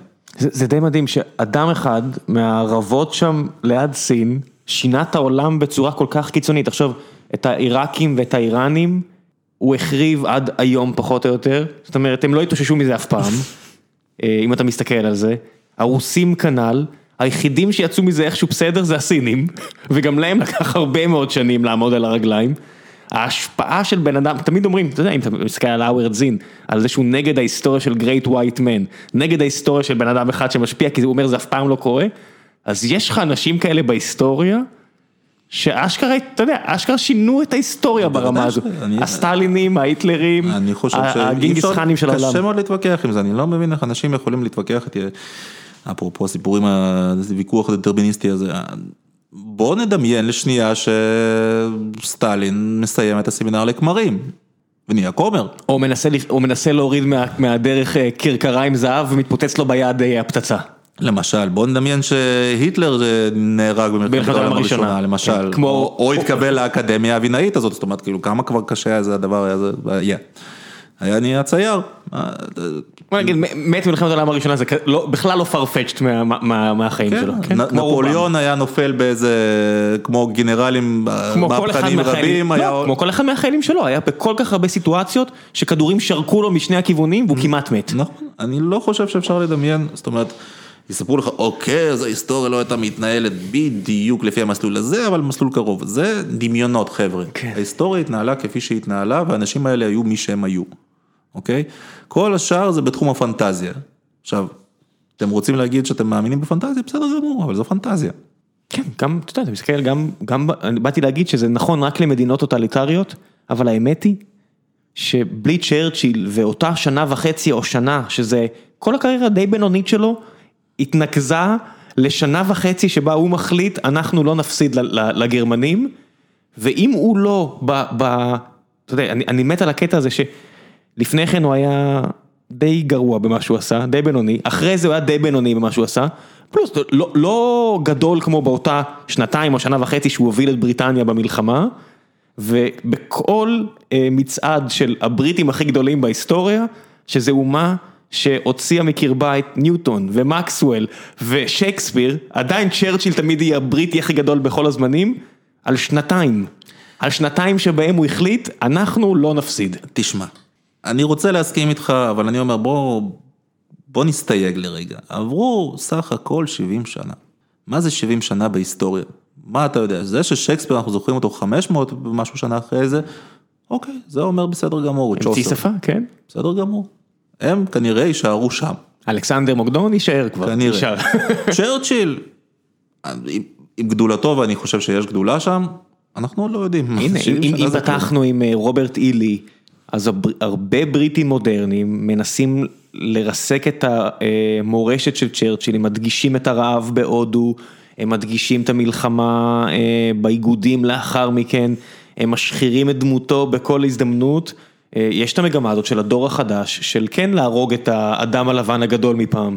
בסדר גמור, אני, אני לא נגד רוויזיה בהיסטוריה, אני רק רוצה שאנחנו לא נשפוך את התינוק עם כן. המים, אני רוצה שאנחנו, שהמחקר, קודם כל שתהיה, שתהיה זו אמת, אם אנחנו, אם האמת תדרוש שאנחנו נפיל את העליל שלנו ההיסטורי, אני לא יכול להתנגד לזה. אני לא חושב שיכול להיות אלילים חדשים, זאת אומרת בעידן הנוכחי, אתה רואה שעל כל ניסיון להרים אליל, אובמה נגיד, יהיה מספיק אנשים שיביאו מספיק הוכחות על למה, כמו כולם, הוא היה מלא בבעיות. זאת אומרת, גם עם נפוליאון, בזמן אמת, כל כך הרבה אנשים הצביעו ואמרו המלך הוא עירום, הקיסר הוא עירום, אה, הוא לא עשה מה שהוא עשה, עדיין הכוח של הנרטיב הזה היה יותר מאשר היכולת היום. אני חושב שהרצון שלנו לבנות עלילים זה אחת התכונות האנושיות הבסיסיות שלנו, ואני לא חושב שאנחנו יכולים לברוח מזה, אני חושב שיהיו עלילים גם מהתקופה הזאת. לפני מה, יומיים יש לנו עכשיו את המהומות של ג'ורג' פלויד, אז אה, אני רואה אותי בחדשות מראים את הבת שלו הנטושה בדאלאס שם עם אשתו הנטושה. שיושבים עכשיו, אה, היא שם על הכתפיים של איזה דוד שלה וצועקת, והוא אומר לה, מה אבא עשה? היא אומרת, הוא שינה את העולם, והוא נקבר שם בארון קבורה מזהב, ואנשים שם בוכים אה, כולם, וראש העיר בוכה. גם בועזיזי, גם כל מיני כאלה ששרפו את עצמם וכאלה, זה לא רוזה פארקס. שוב, בוא, אני חושב שאי אפשר להתווכח עם זה שהמת לחינם ולא היה צריך למות. אם היו תופסים אבל אה, ג'ורג' פלויד 20 דקות לפני זה, מה היה לנו? היה לנו אסיר מורשע על זה שעל שוד של אישה הרה, שהצמיד אקדח לבטן של אישה הרה, ישב על זה חמש שנים, יש לו ראפ שיט של אה, כמה וכמה וכמה דפים, ובא, זאת אומרת, היה מאוד מאוד קשה לדמיין גיבור שהוא אה, יותר קונטרו-אינטואיטיבי מזה, והנה עובדה, הוא גיבור והוא ייזכר כגיבור, ואני מבטיח לך שהוא ייזכר כגיבור לפחות לחמש שנים הקרובות. אחרי זה נראה. אבל גיבור, כן, כרגע... אתה מבין את הכמיהה עם כך של בוריס אקונין וכל מיני סופרים גדולים כאלה לעבר יותר רומנטי, זאת אומרת הספרים שאתה תרגמת שכל כך נהניתי לקרוא אותם, מדברים על תקופה הרבה יותר רומנטית מאשר היום, זאת אומרת ש... שאותו בלש מסתובב ככה ב... ביפן של מייג'י ומסתובב במוסקבה והכל הרבה יותר נחמד ממה שאני קורא בהיסטוריה, בדפי ההיסטוריה. אני חושב שהמאה ה-19 בהחלט הייתה המאה, אני לא יודע אם הרומנטית ויותר, אבל קודם כל היא כמובן הייתה הרומנטית ויותר, כי הרומנטיקה הומצאה בה, כן? אז זה גם הרומנטי, כן. אבל אני חושב שהיא בהחלט הייתה תמימה יותר מאשר המאה ה-20, כמו שכתוב אצל אקונין בהקדמה, האמונה בקדמה הייתה סוחפת וגדולה, זאת אומרת אינסופית. ממש האמינו בזה שאנחנו, שההיסטוריה מתקדמת תמיד לאותו כיוון, תמיד לכיוון הטוב. ובמאה ה-19 באמת היו סימנים מעידים על כך אה, מאוד רציניים. זאת אומרת, בסך הכל, היו שם משהו כמו 60-70 שנה בהיסטוריה האירופאית, עם שלום חסר תקדים בהיסטוריה שלה, כן? מ-1816 עד 1870 ומשהו שפרוסיה וצרפת נלחמות. אפילו, אתה יודע, אפשר לחשוב על מלחמת העולם הראשונה, זאת אומרת, כי פרוסיה וצרפת זה היה... התכתשות. התכתשות, כן. קטטה. ביסמרק מסדר את זה, שכולם... היה שם אביב העמים, היה שם כל, אתה רוצה לחפש, אתה תמצא. בוודאי. אירופה, ברוך השם, על זה היא בנויה, כן? על מלחמות מידיות, אבל עדיין היה שם הרבה שלום, היה שם קדמה מטורפת, ממש מטורפת. אין סוף אמנות, אין סוף מדע. נכון, ואז הגיעה מלחמת העולם הראשונה, ואז הגיעה מלחמת העולם השנייה, ואנחנו ראינו שקדמה היא לגמרי לא וקטור חד כיווני, זאת אומרת זה יכול ללכת לשני הכיוונים. זה לא רק קדמה, זה הכל נשבר, יש איזה, יש סדרה של פודקאסטר שאני מאוד אוהב, דן קרלין, על מלחמת העולם הראשונה, אז הוא מספר שם ש... על, על, על ורדן, זה שלוש שעות, אחד הפרקים זה שלוש שעות רק על ורדן, על איך הלאומיות הצרפתית הפטריוטיות הצרפתית מתה בוורדן, על איך שאתה יודע, עוד ועוד הרוגים ופצועים חוזרים משם, ואומרים I'm done, אתה יודע, תנועת הדאדה מתחילה בפריז, ואתה רואה שכאילו כבר לא היה להם כוח להילחם מלחמת העולם השנייה, למרות שהיה להם את הצבא היבשתי הכי גדול, הם פשוט נכנעים פחות או יותר בלי מלחמה, ואתה רואה איך המלחמה הזאת ממש שברה את כל הרומנטיקה. שוב, אני לא יודע כמה אפשר לצאת בהצהרות כאלה. בוודאי, כל- זה היה אלג'יר, ובוודאי שזה כמו, במאה ה-19 עצמה כבר חשבו שהלאומיות באמת היא בדרך החוצה. זאת אומרת, מרקס למשל, הוא היה בטוח לגמרי שמה מה זה השטויות האלה, הלאומיות הזאת. זה פועלים מכל העולם התאחדו. ברור. כולם היו בטוחים לגמרי שהלאומיות בדרך החוצה, ואז ת- ת- תראה להם קאט אחרי מלחמת העולם השנייה, שכל העולם הקולוניאלי קם תחת דגלי הלאומיות ועושה מדינות לאום. וקאט 40 שנה כן. קדימה, כל מזרח אירופה חוזר להיות מדינות לאום. כן, חוזרים לכל כל- כל נסיכות קטנה עם עז וכנסייה רוצה מדינה. כן, ואני אני לא חושב שאפשר לצאת בהצהרות כאלה של אה, פטריוטיות מתה, אתה יודע. ברוך השם לצרפתים היה עוד הרבה מלחמות אחרי זה, אלג'יר, וייטנאם, אה, חסר. כן. עד היום. מה קורה, עכשיו הם במרכז אפריקה נלחמים. נכון, נכון, אנחנו כל הזמן אוהבים לשכוח שהצרפתים יש להם באמת דומיניונים שם בחוף השנהב וכאלה. זה- As we speak, אלפי לוחמים מהיחידות המיוחדות הצרפתיות הורגים אנשים שחורים מסיבות ששמורות להם. בסדר גמור, כן, כל אחד והסיבות השמורות עימן. בסדר גמור. זה כל הזמן קורה, חבר'ה, שום דבר לא נגמר, שום דבר לא... כן, אבל עדיין אתה צריך בסוף להנגיש, זאת אומרת, הספרים האלה של ג'רד דיימונד ויובל נוח הררי, ואני קורא אותם, ואני מבין את הביקורת. זאת אומרת, גם אני, שקראתי את יובל נוח הררי, ממש התעצבנתי על, על הפופולריות שהוא זוכה לה, אמרתי, כן, זה רעיונות מעניינים, אבל אתם מבינים שהוא עושה לכם פה להטוטנות, נכון? שזה השטחה של מדע, זה מדע פופולרי, זה כמו, זוכר, אתה מכיר את What the Blimp is, או משהו כזה? לא. זה איזשהו סרט, אה, סרט ביוטיוב אה, על אה, תורת המיתרים ועל, אתה יודע, כל הרעיונות מפיזיקה מודרנית, אבל בקטע של קאט, בקטע של מישמש כדי להסריט אנשים, אין לזה שום קשר לפיזיקה מודרנית, זה סרט שעשה המון נזק לתפיסה המדעית, כי הוא לקח רעיונות מעניינים ואתה יודע, רץ עם זה ברמה הכי רדודה שיש, אז בטח שיובל נוח הררי לא אה, מנהל כת אה, כזו. אבל כשאתה קורא את הספרים שלו, או את הספר של ג'רד דיימונד, אתה אומר, אוקיי, זה רעיון כיפי לחשוב עליו, אבל לא בעיה למצוא חורים בסיפור הזה. ואני רואה ש... כאילו, זה- אני בטוח שזה מרגיז אותך. אני אוהב מורכבות.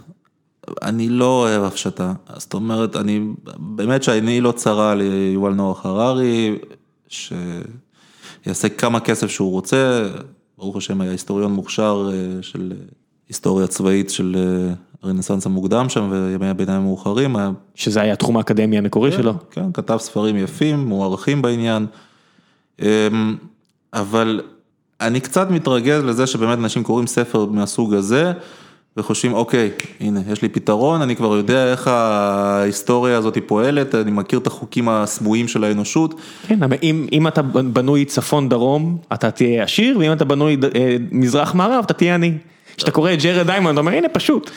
אם אתה קורא את אה, Why Nations Fail, ספר שקורע את התחת לג'רד דיימונד, אה, ומסביר בדיוק למה זה לא כל כך פשוט, אתה אומר, אוקיי, הבנתי.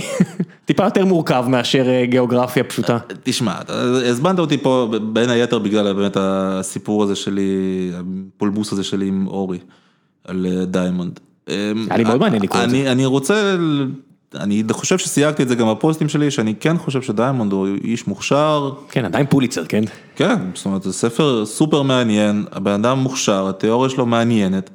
אה, אני לא חושב שהיא סופר מקורית, כי כאילו, אתה יודע, כל מי שקורא מונטסקיה, הדטרמיניזם הגיאוגרפי הזה נראה לו מאוד, מאוד מוכר מאיפשהו. למי שלא מכיר, אני אגיד להם באיזה משפט שתיים, אה, שלושה ספרים מפורסמים, רובים חיידקים ופלדה, התמוטטות, ועכשיו גם Upheaval, ספר חדש, אני לא חושב שאפילו תורגם לעברית. אה, ג'רד דיימונד הוא בכלל אנתרופולוג, אה, אדם מעניין. הוא לא, מה הוא? אה, הוא התחיל כפיזיולוג. ביולוג, פיזיולוג שעשה עוד תואר באורניתולוגיה ובלימודי הסביבה. כן, ציפור, צפר. ספר, כן. ו- קיצור, אדם משכיל ומעניין שכתב כמה ספרים שזכו לפופולריות והערכה באמת גדולה, בעיקר רובים חיידקים ופלדה. נכון. הספר המקורי שלו שאף זכה בפוליצר.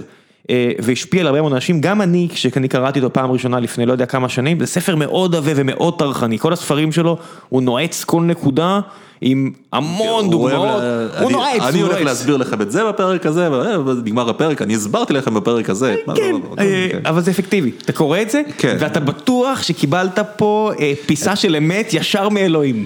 את המפתח להבנת האנושות, כמו, אתה יודע, כמו מרקסיזם, כן? אז מה, בסך הכל, מה מניע את האדם, יש לו את היצר, היצרנות הזאת, על זה, על זה אנחנו יכולים להסביר את כל ההיסטוריה האנושית, כי הבן אדם רוצה לייצר, והוא מייצר ויש לו אמצעי ייצור, ומי ששולט על אמצעי הייצור האלה הוא פשוט וקל. המנצל, וכל מי שעובד שם סתם באמצעי הייצור האלה הוא מנוצל. מאוד- אם נזניח את, כמו פיזיקה של תיכון, אם נזניח את התנגדות האוויר, זה נורא פשוט. כן, אז אה, אם קיבלת את החיות משק שאפשר לביית אותם, אז ביידת ואתה, הכל אצלך אחלה, אם לא קיבלת אז אה, כן. אכלת אותה.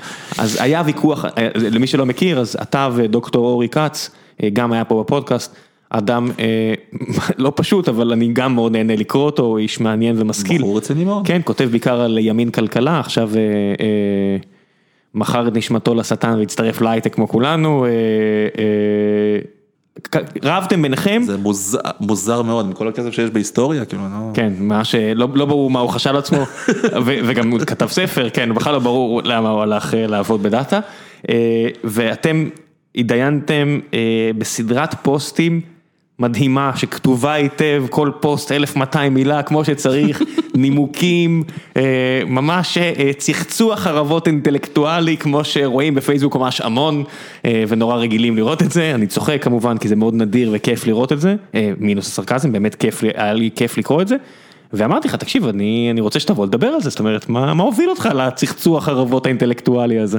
טוב, קודם כל זה אורי, הוא זה שזרק את הכפפה, לא אני. אני כתבתי פוסט על הבעייתיות של התיאוריה של דיימונד. ויש בה כמה בעיות, לדעתי לפחות שלוש מרכזיות, כן? אמ, שגורמים לה לא להחזיק מים. אתה חושב שאולי כדאי שנציג את התיאוריה הזאת כן. בהתחלה לא? אה, בפחות שזה יהיה- מ-1200 מילה. אני חושב שזה יהיה הוגן. דיימונד בגדול אומר שהחיים הם לא פיירים, והגיאוגרפיה היא לא פיירית, ויש מדינות ויבשות ועמים וגזעים שקיבלו את החלקים הטובים של כדור הארץ, ויש כאלה שלא. כלומר, הוא אומר שבגדול אירואסיה, זאת אומרת אסיה ואירופה, וצפון אפריקה ואולי קצת ממערב אפריקה, בעיקר אתיופיה, קיבלו את החלקים הטובים, כלומר קיבלו את הגידולים הטובים שאפשר לביית, כל מיני חיטה, שעורה, אה, אורז וכאלה, קיבלו את החיות שאפשר לביית, מתרנגולות בדרום סין ועד סוסים בערבות אוקראינה, אוקראינה כן. ופרות וכבשים וכאלה, ויש יבשות שאכלו אותה, שזה בגדול, ארצות בשבוע גדול אמריקות, שתי אמריקות, אוסטרליה והאיים מסביבה. כן, פאפה ניו גיני זה מקום שהוא חי בו הרבה שנים. כן, שמשם הוא- הוא התחיל את המחקר שלו כן. בעצם. אמ, ואז הוא מתחיל להסביר מה, מה הבעייתיות של אה, גידולים שאמריקה ואוסטרליה קיבלו, מה הבעייתיות של החיות שהם קיבלו, למה הם לא יכלו להתפתח בצורה כל כך מוצלחת כמו העמים האסייתיים והאירופאים, אה, ובסופו של דבר אומר שכאילו אי אפשר אה, להגיד על שום, לדבר על שום עליונות של התרבות האירופאית על תרבויות אחרות, מכיוון שבסופו של דבר זה היה עניין של מזל, כן? אף אחד לא נעלה מאף אחד. ואני מאוד מסכים עם הקביעה הזאת. אני מסכים עד לרמה של אם אתה מדבר על מישהו ספציפי, בטח כולנו עשויים מאותו אה, חרא אורגני, כמו שאומרים ב Fight Club, תרבות מוצלחת יותר מתרבות אחרת. אני בכיף מנהל את השיחה הזאת, כי עם כל הכבוד אתה מסתכל, כולם מסתכלים על האבוריג'ינים המקסימים באוסטרליה ואיך האדם הלבן הפריע להם, חבר'ה אין יונקים יותר גדולים מקנגורו באוסטרליה, כי המקומיים שם הרגו את כולם. בסדר, אה, אבל אנחנו לא נבוא בטענות לאדם הקדמון שהרג את ה... לא, הכל בסדר, אבל זה, זה המצב, זה לא שהם איזה גזע טהור יותר, הם פשוט פיתחו חברה פחות מוצלחת, לא יעזור. יפה, אני גם לא חושב, עכשיו, עכשיו אנחנו מתחילים להיכנס לבעייתיות של התיאוריה של דיימונד. אני לא חושב אה, שהטיעונים שלו טובים בגלל שקודם כל הם מעגליים. הוא מבחינתו, החיות המבויתות, זה החיות שאפשר היה לביית, נקודה. כן? זאת אומרת, אם בייתנו את הפרה, את השור, שור הפרא והוא הפך להיות פרה, ביתית, אין שום חיה אחרת שאפשר לביית. כלומר, הבייסונס האמריקאים הם בלתי ניתנים לביות, נקודה. עכשיו, ללא ספק, אלה חיות בעייתיות לביות. כן. אבל בוא, אף אחד לא ישב עם שור הפרא באירופה ובאסיה, כן? ונהנה. וידע מה בדיוק האופי שלו. אני בטוח שזה לקח לא מעט זמן לביית גם את המפלץ ההוא. עכשיו הוא אומר, אה, אתה יודע, לנו יש כבשים, להם יש אה, איילים. מי מהם... אלפקות ולמות וכן. לא, באמריקה יש גם איילים, אז איילים אי אפשר לביית חוץ מהאייל הצפון אירופאי, הוא לא, הוא לא יכול לתת את הקוויאט, לא לתת את הקוויאט הזה, כי יש לנו את הלפלנטים שיש להם את האיילים, יש לנו כל מיני אה, צ'וקצ'ות רוסיים שהם מבייתים איילים בכיף. אז אה, אוקיי, את האיילים האירופאים אנחנו יכולים לביית, אבל לא שום אייל אחר, בטח לא את האייל הקורא, לא את המוס. עכשיו, עוד פעם, חיות בעייתיות לביות, אבל מבייתים אותם. עובדה, יש מוסים מבויתים, יש איילים קוראים מבויתים, קשה וזה, ומתרחש הדבר הזה, יש רק כמה דורות של כאלה מבויתים, הם לא שווים כלכלית לביית אותם, כן? כי יש לך פשוט דברים אחרים טובים יותר לביות, אבל זה אפשרי, אנחנו רואים את זה בדורות האחרונים, הוא מדבר שם על אה, כבש המוסק, כן, אתה מכיר את האופציה הזה? זה זה כבש מאוד שרירי ו... כן, זה חתיכת דבר ענק כזה כן. שם בקנדי, בקנדה כן. ובאלסקה. הוא אומר הדבר הזה הוא בפוטנציה אי אפשר לביית אותו. מבייתים אותו ועוד איך, באלסקה, עכשיו באמת גילו שהפרווה שלו היא סופר יקרה, זאת אומרת אתה יכול לעשות איזה 30 אלף דולר מגז כן. אחד של הדבר הזה, ופתאום זה נהיה כלכלי ויש שם, יש חוות שם, יש חוות בדנמרק, אם אתה רוצה, אתה יכול. זברה, אי אפשר לביית אותה כי יש לה אופי מחורבן והיא לא מתרבה בשבי וכל זה. זה כל, לא, רק שהמאזינים זה פשוט, זה טיעונים שעולים מהספרים, אוקיי? זה, זה הטיעונים של דיימונד, שהחיות שלא בויתו עד עכשיו, אי אפשר לביית אותם נקודה. רגע, זה הטיעונים ברובים חיידקים ופלדה. זאת אומרת, כן. בהתמוטטות הוא מדבר על אה, אה, דברים אחרים, וב Upheaval הוא מדבר על דברים אחרים. אתה מתייחס לספר הכי מפורסם שלו, כן. כן, זוכה פרס הפוליצר, רובים חיידקים ופלדה. עכשיו, זה גם לא רעיון אתה יודע, אני הייתי שמח אה, לקחת בעלות על הרעיון הזה, אבל זה לא רעיון שלי, יש, אה, יש אה, חוקר וסופר רוסי, קיריל יסקוב, שכתב על זה בזמנו, לפני הרבה שנים, פוסט מפורסם בפייסבוק, שאמר, לא בפייסבוק, ב... לא באיזה רשת, לא ויקי, היה LiveJournal, כאילו, זה היה הדבר הכי גדול ברוסיה בזמנו. הוא סופר די מפורסם, הוא... אני כל פעם שוכח מה הוא בדיוק, הוא גיאולוגיה או משהו כזה, הוא, הוא באמת מדען רציני וסופר אה, fantasy וספרות בדיונית מאוד מוצלח. בסדר, גם לואיס קרול היה מתמטיקאי, לא נזכור את זה נגדו. יפה, אז הוא כתב פעם פוסט על הדבר הזה ואמר שם, תראו, כמו שדיימונד קורא לזה עיקרון אנה קרנינה שלו ב... בהתפתחות, כן, כן כל, כל המשפחות המאושרות הן... אה, זהות. זהות וכל המשפ... משפחה לא מאושרת היא ייחודית בדרכה שלה. אה, וזה בעצם האמריקות והאוסטרלים וכל מיני כאלה אבורג'ין. אז הוא קרא לזה עיקרון הנקרן, הוא אומר, אני רוצה להמציא לכם עיקרון תעשיית הרכב הסובייטית. עכשיו, ברור לכולנו שמכוניות סובייטיות בהשוואה לטויוטה או לפורד או משהו כזה, אף אחד בדעתו השפויה לא יבחר ב...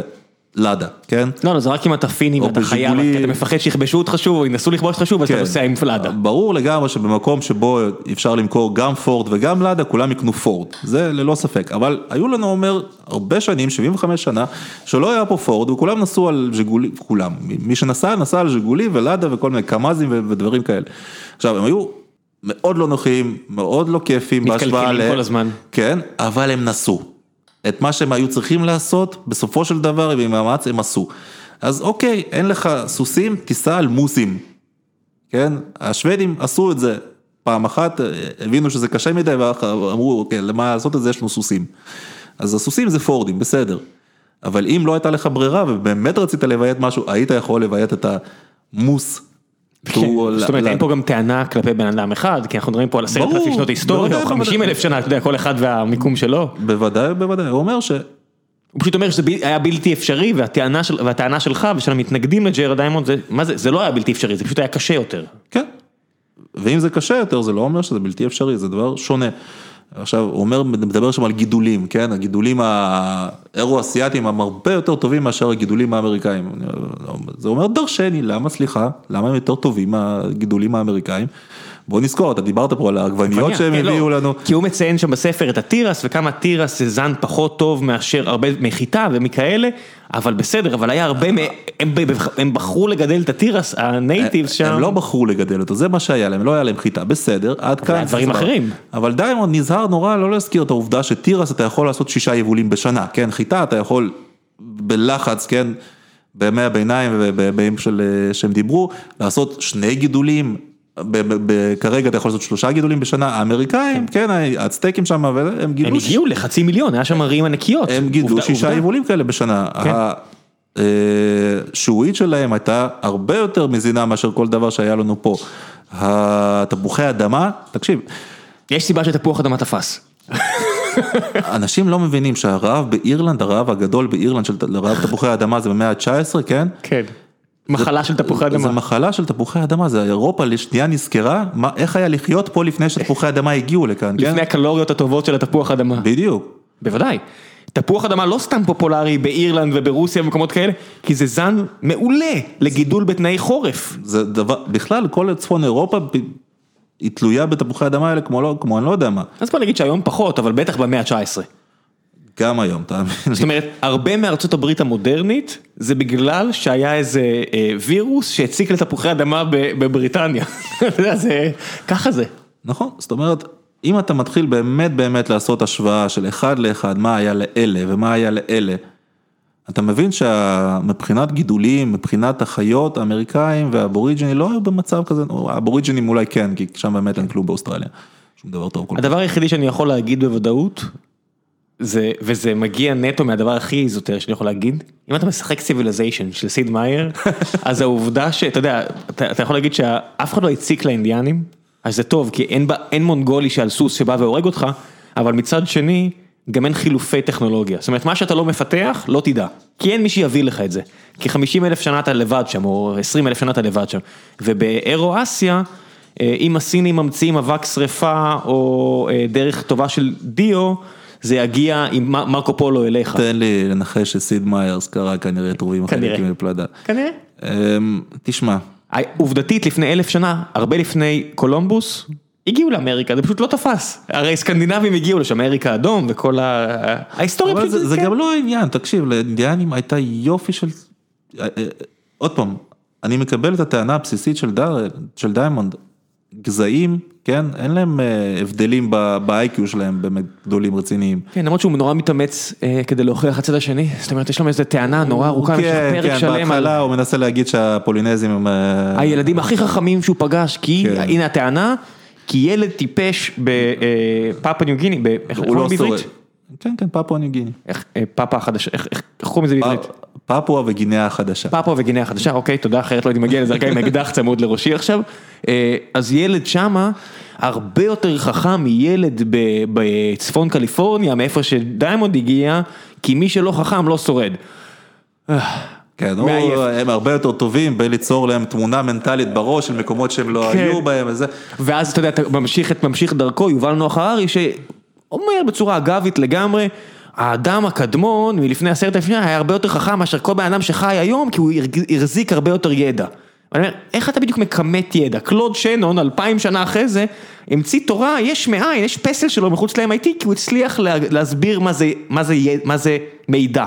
יש לי הרגשה שמי שחשב על הטיעון שהאדם מלפני עשרת אלפים שנה באמריקה ידע יותר מאשר אדם היום, לא חשב על זה ממש לעומק, ולא חיפש להוכיח. לא, אבל זה טענות מדהימות כאלה, זאת אומרת, אתה יודע, אתה חושב על איזה הוריישו נלסון או איזה נפוליאון, לא יכול היה לדמיין תמונה מנטלית בראש, בן אדם כאילו הזיז אה, צבאות של אה, מאות אלפי אנשים, כן? זה, זה לא נתפס צבאות ימיים, מה שאתה אתה מתייחס ל, ל... אז לא קרב ווטרלו, נלסון זה 1805, 1805, כן, לא, אם לא צרפתי אחד שיורה בו ונפוליאון סותר לו על איזה, איך העזת להרוג את האויב שלי ככה בחוסר כבוד, זה אנשים שניהלו קרבות בטרפלגר, זה, זה לא איזה דני ירה בו או משהו כזה. לא חייל, מה זה משנה, זה הצבא, הצבא של נפוליאון, אבל קרב טרפלגר, הבריטים מנצחים אותו, ואתה מדמיין מאות ספינות או אלפי ספינות, בלי מחשב, בלי GPS, והיה בן אדם שבראש שלו דמיין את הכל, ואני בצבא, אתה יודע שהייתי רואה חבר'ה מסיירת מטכ"ל מנווטים 40 קילומטר אה, בלי מפה, הייתי נדהם מזה, ואתה קולט שהיו אנשים שרק לפני 150 שנה, שהיה להם כישורי התמצאות במרחב וניווט מפעימים. כן, היו בני אדם מאוד מוכשרים. המוח האנושי מסוגל לדברים מדהימים. יפה, אבל אני חושב, בקיצור, גם אז- היום, גם אז, פשוט דברים אחרים. אז, אז כן, אז כל התירוצים האלה הם לא תופסים, ולאינדיאנים, אינדיאנים, סליחה, יליד, ילידי, אמריקה. ילידים, ילידי דרום אמריקה ומרכז אמריקה, הייתה להם טכנולוגיה מדהימה, הטכנולוגיה החקלאית שלהם, של הצ'במפות וכל הטרסות, הטרסות. שדות ורו ורו האלה, היו, זה היה דבר מדהים. זה היה דבר מדהים שלי אפשר לדמיין אותו, זאת אומרת מבחינת ההידרופו, הגידולים ההידרופונים שלהם, זה דברים שאנחנו עד עכשיו לא, לא מצליחים לשחזר. אה, הייתה להם טכנולוגיה מדהימה, אבל למשל, הם לא ידעו לחרוש פתחות, מה לעשות? לא ידעו, רק הטרסקים שם במרכז אמריקה הצליחו קצת עם נחושת, וזהו. וזה הותיר אותם בלי שום סיכוי כשקורטז מגיע. אז אני, אז זה דברים, זהו, דיימונד טוען את זה, ואני חושב שזה דבר פסיכי, אתה צריך לטעון דברים פסיכיים כאלה, רק אם אתה לא יודע כמה דם, יזע ודמעות עלה לקורטז ולאנשיו לכבוש את אימפריית ה... אינקה. לא, את אינקה זה פיסארו, אה, את האצטקים. האצטקים, כן. אה, פיסארו שכבש את האינקה עם 172 איש, שלושה רובים ושני תותחים קטנטנים כאלה, פלקונטים, זה בכלל, זה, זה, זה, זה, זו אגדה. אבל אתה צריך להבין כאילו מה הם היו הספרדים בשלב הזה של ההיסטוריה. הספרדים בשלב הזה של ההיסטוריה, במאה ה-16, תחילת המאה ה-16, בכלל לאורך מאה ה-16, הם היו החיילים הכי טובים בעולם, נקודה, סוף פסוק. אני לא חושב שאי פעם יש, היו חיילים כאלה, אולי האנשים של ג'ינגיס חאן היו, התקרבו אליהם קצת. זה היו חיילים שלחמו באותו זמן, כבר משהו כמו 500 שנה ברקונקיסטה שלהם, בדיוק ניצחו. כן? העיפו את המוסלמים מהחצי כן. האיברי למי שלא מכיר את ההיסטוריה. והשתלטו פחות או יותר על אירופה, זאת אומרת האימפריה הרומית הקדושה באותו זמן זה אנשים, זה מלכי ספרד. כן, גם האפיפיור היה ספרדי. כן, אה, צפון אירופה שייכת לספרד, דרום אירופה שייכת לספרד, מרכז אירופה שייכת לספרד. והם מפליגים מערבה ומוצאים אה, את הודו החדשה. וזה קורה בגלל שיש להם את החיילים הכי טובים בעולם, הטרציות הספרדיות, הפלנגות כאילו הספרדיות האלה, זה פשוט אין כדוגמתם של החיילים האלה, וכשאתה קורא על איך הם תפקדו באמריקה, עכשיו, ללא ספק הם היו חיות רעות, באמת, היו אנשים איומים ונוראים, כן? המונגולים של התקופה שלהם. נכון, היו אנשים איומים ונוראים שנלחמו אגב באנשים איומים ונוראים לא פחות. בוודאי. בוא נגיד שהצטייקים גם כן לא... כן, מל גיבסון עשה ממש עבודה טובה בלהראות את זה. הוא עשה על מאיה והוא עשה שם, כן. עזוב, אתה תתחיל לדבר על היסטוריונים האיסטים, הם אה, יתחילו לתלוש שערות על מה שמל כן. גיבסון עשה להם, אבל בסדר, עזוב. אה, אבל שוב, לא היו עם נחמד, הספרדים לא היו עם נחמד, שני עמים לא נחמדים. מי היה נחמד בהיסטוריה? מי היה נחמד? אף אחד לא היה נחמד.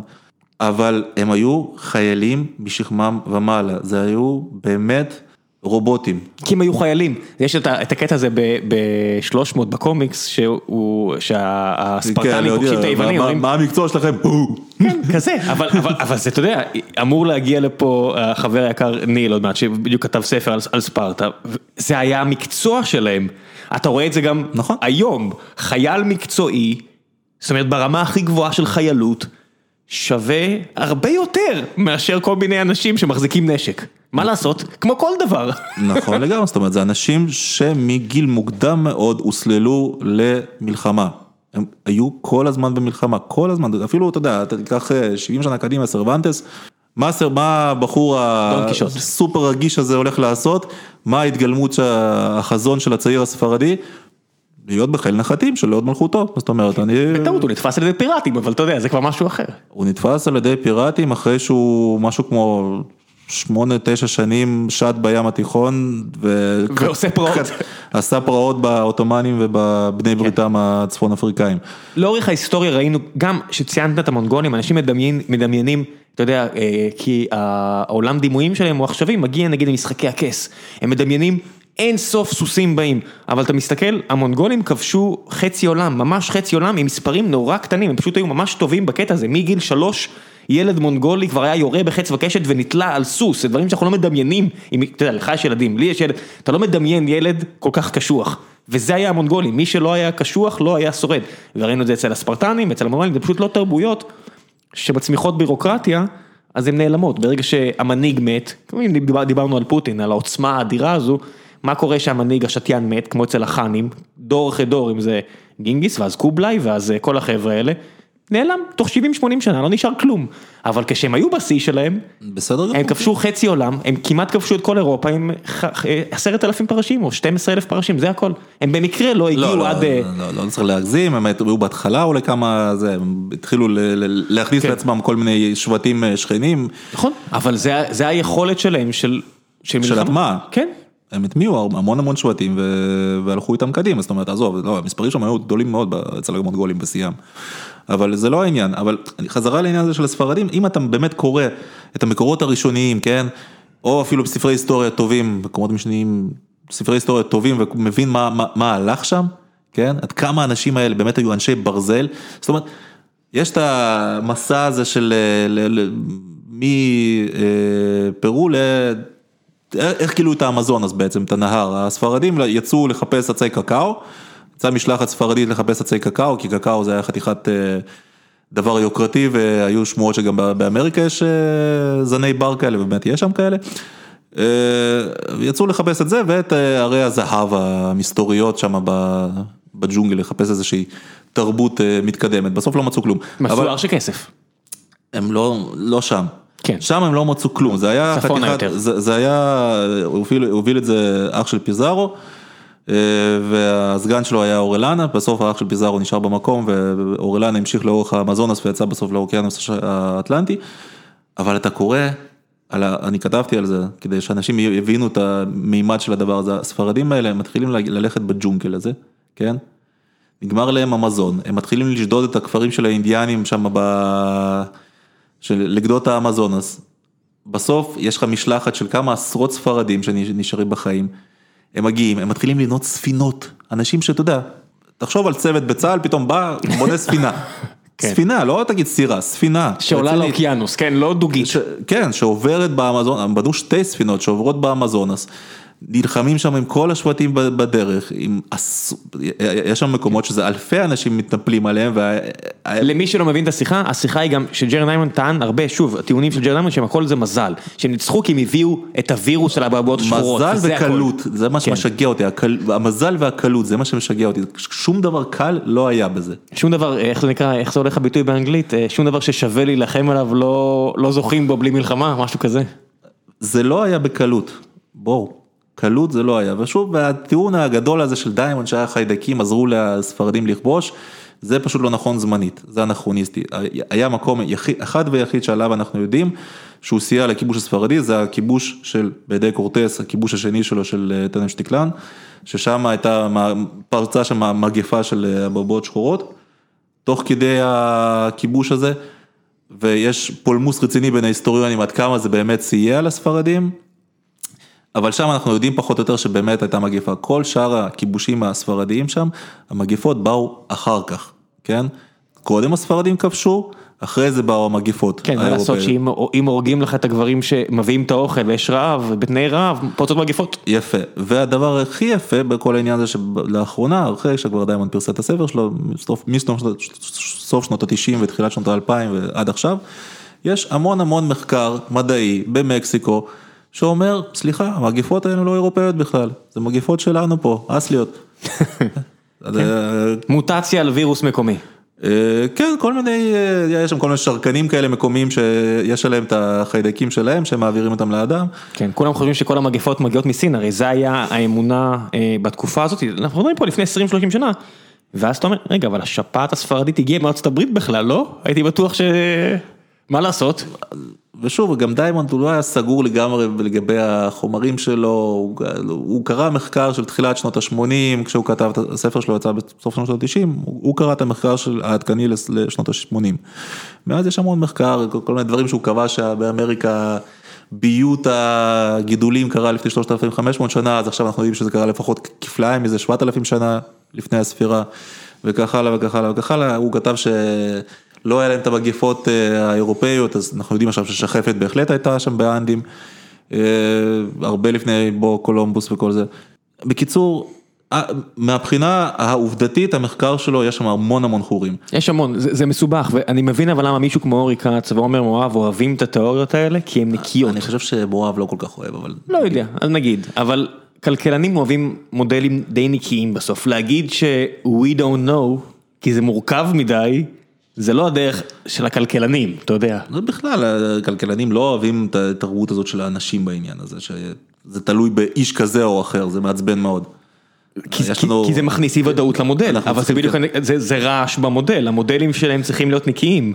אתה יודע, בסוף זה אנשים שרוצים שהכל ייכנס למודל. יפה, אבל פה מגיעה הבעיה המרכזית שלי עם הדטרמיניזם ההיסטורי. אני חושב שכל מה שיש לנו זה אנשים, ואנשים כן? אנשים אמפיריים קיימים, בשר ודם, הם יצורים מורכבים, שמקבלים המון החלטות, והם, עזוב, כאילו שזה ששני אנשים לא מסוגלים כל כך להסכים ביניהם. בדרך כלל בן אדם אחד לא לאורך מסכים לעצמי, כן. להסכים עם עצמו. אני, שאני באופן אישי יודע מצוין שהעישון שלי הוא מזיק לי, משום מה אני עדיין ממשיך לעשן, אני רציונל, רציונלית, אני מודע לחלוטין לזה שאני צריך לאכול פחות, ולא להיות כזה שמן. הוא לא כזה שמן חברים. שמן מספיק. אני יודע שזה לא טוב לי, ואני עדיין ממשיך לעשות את לא זה. יודע, סבא שלי שהיה אה, אה, דובר רוסית, אה, יש איזה ביטוי ברוסית שהוא אמר, אם אתה לא שותה ולא מעשן ולא משהו כזה, אז בשביל מה אתה חי, משהו כזה. תמות בריא. משהו, לא יודע, יש איזה, ביטוי כזה ש... זה מה שקורה שאתה לומד רוסית כנראה בגיל 20, אתה, אתה מעוות את הדברים. לא, יש ביטוי ברוסית שמי שלא שותה ולא מעשן הוא ימות בריא. הבנתי, כן. ימות, כן. כן, ימות בריא. יופי. אז אנשים לא מסוגלים להשלים עם, ה, עצמם, עזוב עם הזולת, עזוב עם זה. זאת אומרת, אנחנו באמת יצורים מורכבים, יש לנו המון החלטות, זה יוצר המון משתנים, ולהגיד שהכל בסופו של דבר אפשר להסביר בדבר על אישי כזה או אחר, כן? זה פשוט לא עובד. לפחות אנשים לא מדברים ככה, אנחנו פועלים תמיד בסביבה שאנחנו מניחים שיש לנו איזשהו חופש בחירה, כן? אם אני אשאל את הדטרמיניסט הכי קבוע מקובע שיגיד שהכל זה כוחות היסטוריים על אישיים ויש אה, כוחות ייצור. זה הכל כדורי אה, באולינג שהזיזו את האטום הראשון, אתה לא יודע? נכון. אז אם ככה, כן, אז תיאורטית אין לך שום חופש בחירה, נכון? זאת אומרת, זה התיאוריה, הכל דטרמיניסטי. יפה. אבל השפה האנושית, ההתנהגות האנושית, ההתנהלות האנושית, היא לא סובלת דטרמיניזם. אנחנו תמיד תמיד מניחים שיש לנו איזשהו חופש בחירה. כי ברגע שאנחנו לא הפיזיקה המודרנית מכתיבה הסתברות, שהכל באיזושהי הסתברות קורה לכאן או לשם, אז יגידו לך דטרמיניסטים, זה רק כי אנחנו עדיין לא יודעים לפענח את זה יותר. אנחנו בחברה הנורמלית חושבים שאנשים שסבורים שאין להם חופש בחירה הם משוגעים. ככה אנחנו מגדירים משוגעים. בן אדם שהולך ורוצח בגלל שהקולות אמרו לו לרצוח והוא לא יכול היה שלא לשמוע עליהם, הוא מבחינתנו מטורף. ובן אדם שפוי הוא בדיוק, שצריך להרחיק אותו מהחברה, כן. נכון, בן אדם שפוי הוא בדיוק מהבחינה הזאת שהוא יודע שיש לו חופש בחירה. שהוא כשיר. שהוא כשיר כן. להבחין בין טוב לרע. בדיוק. ועכשיו מפה אנחנו אומרים שלא, זה היה תלוי בזה שמישהו שם אי פעם גילה איזה צמח אכיל, נו באמת. אני אגיד לך מה הבעיה שלי עם דטרמיניזם, שאני אומר, אם הכל דטרמיניסטי, ואני אומר, אז מה הטעם? זאת אומרת, אם אתם מנסים להביא אותי למקום כזה פוסט מודרניסטי שאין טעם כי הכל כבר הוחלט, אז הרי זה לא יקרה כמו שהיה קורה אם הייתי חושב שיש טעם והייתי עושה, נכון? יש פה איזשהו פרדוקס של אין לך מה להרשיע אותו כי הוא לא יודע להבחין בין טוב לרע. אוקיי, ו? אני חייב להאמין, אתה יודע, זה כזה סטייל כמו הסרט הזה, ש- אה, ממנטו, של אה, של האחים נולן. הוא אומר, אני, אני יכול להחזיק את התמונה הזו ולהיזכר במה עשיתי? לא, אני מעדיף לשרוף אותה. גם אם הכל דטרמיניסטי, החברה צריכה את עקרון אי הוודאות כדי להמשיך לתקתק. זה נכון, מבחינה פילוסופית טהורה, אנחנו לא יכולים להכחיש את האפשרות של קיום של דטרמיניזם, כן? אני בכל זאת עוסק בהיסטוריה של רעיונות, ואני עוסק הרבה- הרבה אתה בפילוסופיה. אגנוסטי ל- לדטרמיניזם. אני, לא, אני מתנגד די עקרוני, אבל מבחינה פילוסופית טהורה, אי אפשר להכחיש את אפשרות קיומו של דטרמיניזם, אבל אני יודע שהשפה האנושית וההתנהלות האנושית, הן פשוט לא סובלות את זה. החברה האנושית מושתתת על עקרון הבחירה, לא יעזור כלום. נכון. אנחנו צריכים להאמין שאנחנו שולטים בגורלנו, אחרת כל הסיפור הזה של חברה אנושית שהגיעה סך הכל להישגים לא רעים בכלל, לא מחזיק מים. יפה. ואם נעשה, הכל, כן, בוא נעשה קצת שאלות מהקהל, אני אתן לך עוד הזדמנות, אה, יהיה לך הזדמנות לספר עוד קצת. אה, פורום החיים עצמם של גיקונומי, אה, אחלה מקום לשאול שאלות מהקהל, ולפני שנגיע לשאלות מהקהל, אני רוצה לספר לכם על עוד ירושלמית שאני אוהב, אתה ירושלמי נכון? לא, אני מתנחל. מה זה מתנחל? ברקן, מכיר? זרועות, כן. יענות? כן, כן, בסדר, זה ירושלים. טוב, זה. נו, אני לא אגיד את זה כדי שאנשים אה, מהצד השני לא יכעסו עליי. אה, זה- מה זה, מה זה, 20 קילומטר מירושלים? ממש לא. איפה זה ברקן אז? אני מתבלבל אז. על מה אני אתה חושב? נוסע בכביש 5, אתה יוצא פה באיילון ונוסע בכביש 5, כן. לפני שאתה מגיע לאריאל, שזה משהו כמו 20 דקות אה, אוקיי, נסיעה, צד שני לגמרי, אוקיי, חשבתי על משהו אחר, אתה צודק, אה, ממש טעות, אוקיי. אה, אז אני אספר על ירושלמית, שגם היא, גם היא לא כזאת ירושלמית, אבל לא משנה. על יערה קלמנוביץ', אה, יער הקקאו, היא הייתה בגיקונומי לא מזמן, והיא יזמית מהסוג שאני הכי אוהב, שזה א' כל בגלל שהיא יזמית, אני מודה, יש לי חולשה ליזמיות, כי יש מספיק יזמים, יש מספיק- טסטוסטרון ביזמות הישראלית. בבקשה, כן, אה, והיא הרימה אה, בוטיק של שוקולד. ממצב שהיא מייצרת שוקולד בבית שלה, רק לטעימות, לעסק שמייצא תשע טון בשנה לארה"ב, שוקולד פנטסטי, אפשר להזמין אה, לכל ישראל, כנסו ליער הקקאו, תזמינו, תתמכו ביזמים מקומיים שעושים גם עבודה מדהימה. אני מבטיח לכם שזה יותר טוב מהשוקולד הדרק שאתם קונים בסופר, אם אתם אוהבים שוקולד, תזמינו, תנסו. אני אשאיר לכם גם לינק אה, לבוט שלה בטלגרם, שיעזור לכם אה, להזמין באמצעות תן-ביס. האמת שאתם לא חייבים את הבוט אה, בשביל להזמין דרך אה, תן-ביס, אם יש לכם תן-ביס להזמין את השוקולד שלה, זו אפשרות. אבל ככה או ככה, כנסו ליער הקקאו, יופי של שוקולד וגם לעזור למישהי שהייתה בגיקונומי, אז זה בכלל כיף. אה, ועכשיו נעשה שאלות מהקהל בפורום החיים עצמם של גיקונומי, אה, אני מספר תמיד מי מגיע, איזה אורח מגיע, ואז החבר'ה משאירים שאלות. אה, בואו נעשה קצת שאלות מהקהל. רחל שואלת, איזו יצירה רוסית אוניברסלית ישראלים לא מכירים מספיק? אני מתקשה לחשוב מה זה יצירה רוסית אוניברסלית. זאת אומרת, אני חושב שאם אנחנו מדברים על קלאסיקה רוסית, אז בוודאי שישראלים לא כל כך מכירים את יבגני אונגן שהוא... השם. הפואמה הגדולה של פושקין. פושקין הוא המשורר אה, הלאומי אוקיי, כן. של אה, רוסיה, הוא מחדש השפה הרוסית הגדול ו... איש עם, סיפ... כן, עם סיפור חיים כשד. מדהים. שמינית שחור, אה, צאצא של איזה מלך אתיופי או משהו כזה, לא? זה מסובך, זה מסובך, לא, זה לא אגדה כנראה, אבל... אנחנו לא יודעים אם זה אתיופי או לא אתיופי, בקיצור, סבא רבא שלו מצד האימא היה הכושי של פטר הגדול, שלא ברור בדיוק מה המוצא שלו, האם זה אתיופי או קמרוני, שנמכר דרך השוק העבדים העות'מאני, נמכר לרוסים ופטר אה, רומם אותו ונתן לו השכלה והפך אותו לגנרל אה, תותחנים, אה, קראו לו חניבעל. כן. בקיצור, אז יבגני אונגן לא כל כך מוכר בעברית למרות שתרגמו אותו, שלונסקי תרגם אותו ונעשו עוד כמה ניסיונות עד עכשיו, אני לא חושב שיש לנו תרגום באמת מוצלח כי שלונסקי הוא נורא נורא אה, ארכאי. אמ, אני חושב שצ'כוב לא מתורגם בצורה מספיק מושכת, כי צ'כוב הוא לפחות בסילבוס של הבית ספר הוא נתפס כהדבר המעיק הזה. קוראים את הסיפור הזה מועקה ולישון ועוד משהו שם, נכון? על אה, יונה עגלון שאוכל את הראש לנושאים שלו. בקיצור, לא הסיפורים הטובים ויותר של צ'כוב מוכרים לנו בתוכנית של הבית ספר, סיפורים משעממים, ובגלל זה בסוף מגיע השרה ואומרת, אני לא קורא צ'כוב. ו... עכשיו, צ'כוב עצמו הוא סופר קריא, הוא סופר מצחיק, כן? הוא התחיל בתור סופר קומי, כן? הסיפורים הקצרים שלו, הקומיים, הם מדהימים. ומשם הוא עבר לדרמה וטרגדיה, ואני חושב שהסיפורים שלו הם, ויש המון מהם, אם הם יתורגמו כהלכה, אני חושב שהקהל העברי מאוד מאוד ירוויח, כי צ'כוב זה באמת עולם ומלואו לדעתי. אמ, אני חושב שבזה אני אסתפק. אוקיי. אה, יאניק שואל, איזה שפה אתה מחשיב כשפת האם שלך? אה, הוא שואל כי הכתיבה העברית שלו משובחת מאוד. תודה. רוסית היא ללא ספק שפת אם, אבל אני הגעתי לפה בדיוק בגיל טוב, זאת אומרת, הגעתי לפה ואחרי שבוע היה לי יום הולדת 10, ככה שהיה לי מספיק זמן לקלוט את העברית כמו שצריך, זאת אומרת, יש לי קצת, אני מניח שיש לי אוזן טיפה מוזיקלית לעניין הזה של השפה. אתה חושב בעברית או ברוסית? אני חושב בשתי השפות, אני חושב גם באנגלית קצת. כן, זה קורה לי הרבה. אז אה, אני חושב בשלושת השפות. ו... אבל בעיקר ברוסית ובעברית, אני חושב שאולי יותר בעברית, כי אשתי כאילו היא צברית ואנחנו מדברים בבית עברית. לא משנה, אבל העולם הפנימי שלך זה העולם הפנימי שלך. אתה אפילו חושב עליה כשאתה מדבר איתה, או אתה חושב על עצמך כשאתה מדבר איתה, זה לא יעזור. זאת שאלה בלשנית ופילוסופית מעניינת, באיזה שפה אנחנו חושבים ואיך אנחנו חושבים על זה, אנחנו תמיד חושבים. במילים, ברגע שאנחנו מבינים שאנחנו חושבים על משהו, אנחנו עושים, אנחנו מזכירים את זה במילים. רעיון הוא אף פעם לא באמת אבסטרקטי. יפה, אה, ואני תופס את עצמי כשאני חושב, ורוב המחשבות שלי הן בעברית. זאת אומרת, כי סדר יום שלי הוא בעברית. הכל הפנימי. אה, אוקיי, רחל גם שואלת, עד כמה אתה מחובר לתנועת דור אחד וחצי של עולי רוסיה, ומה דעתך עליה?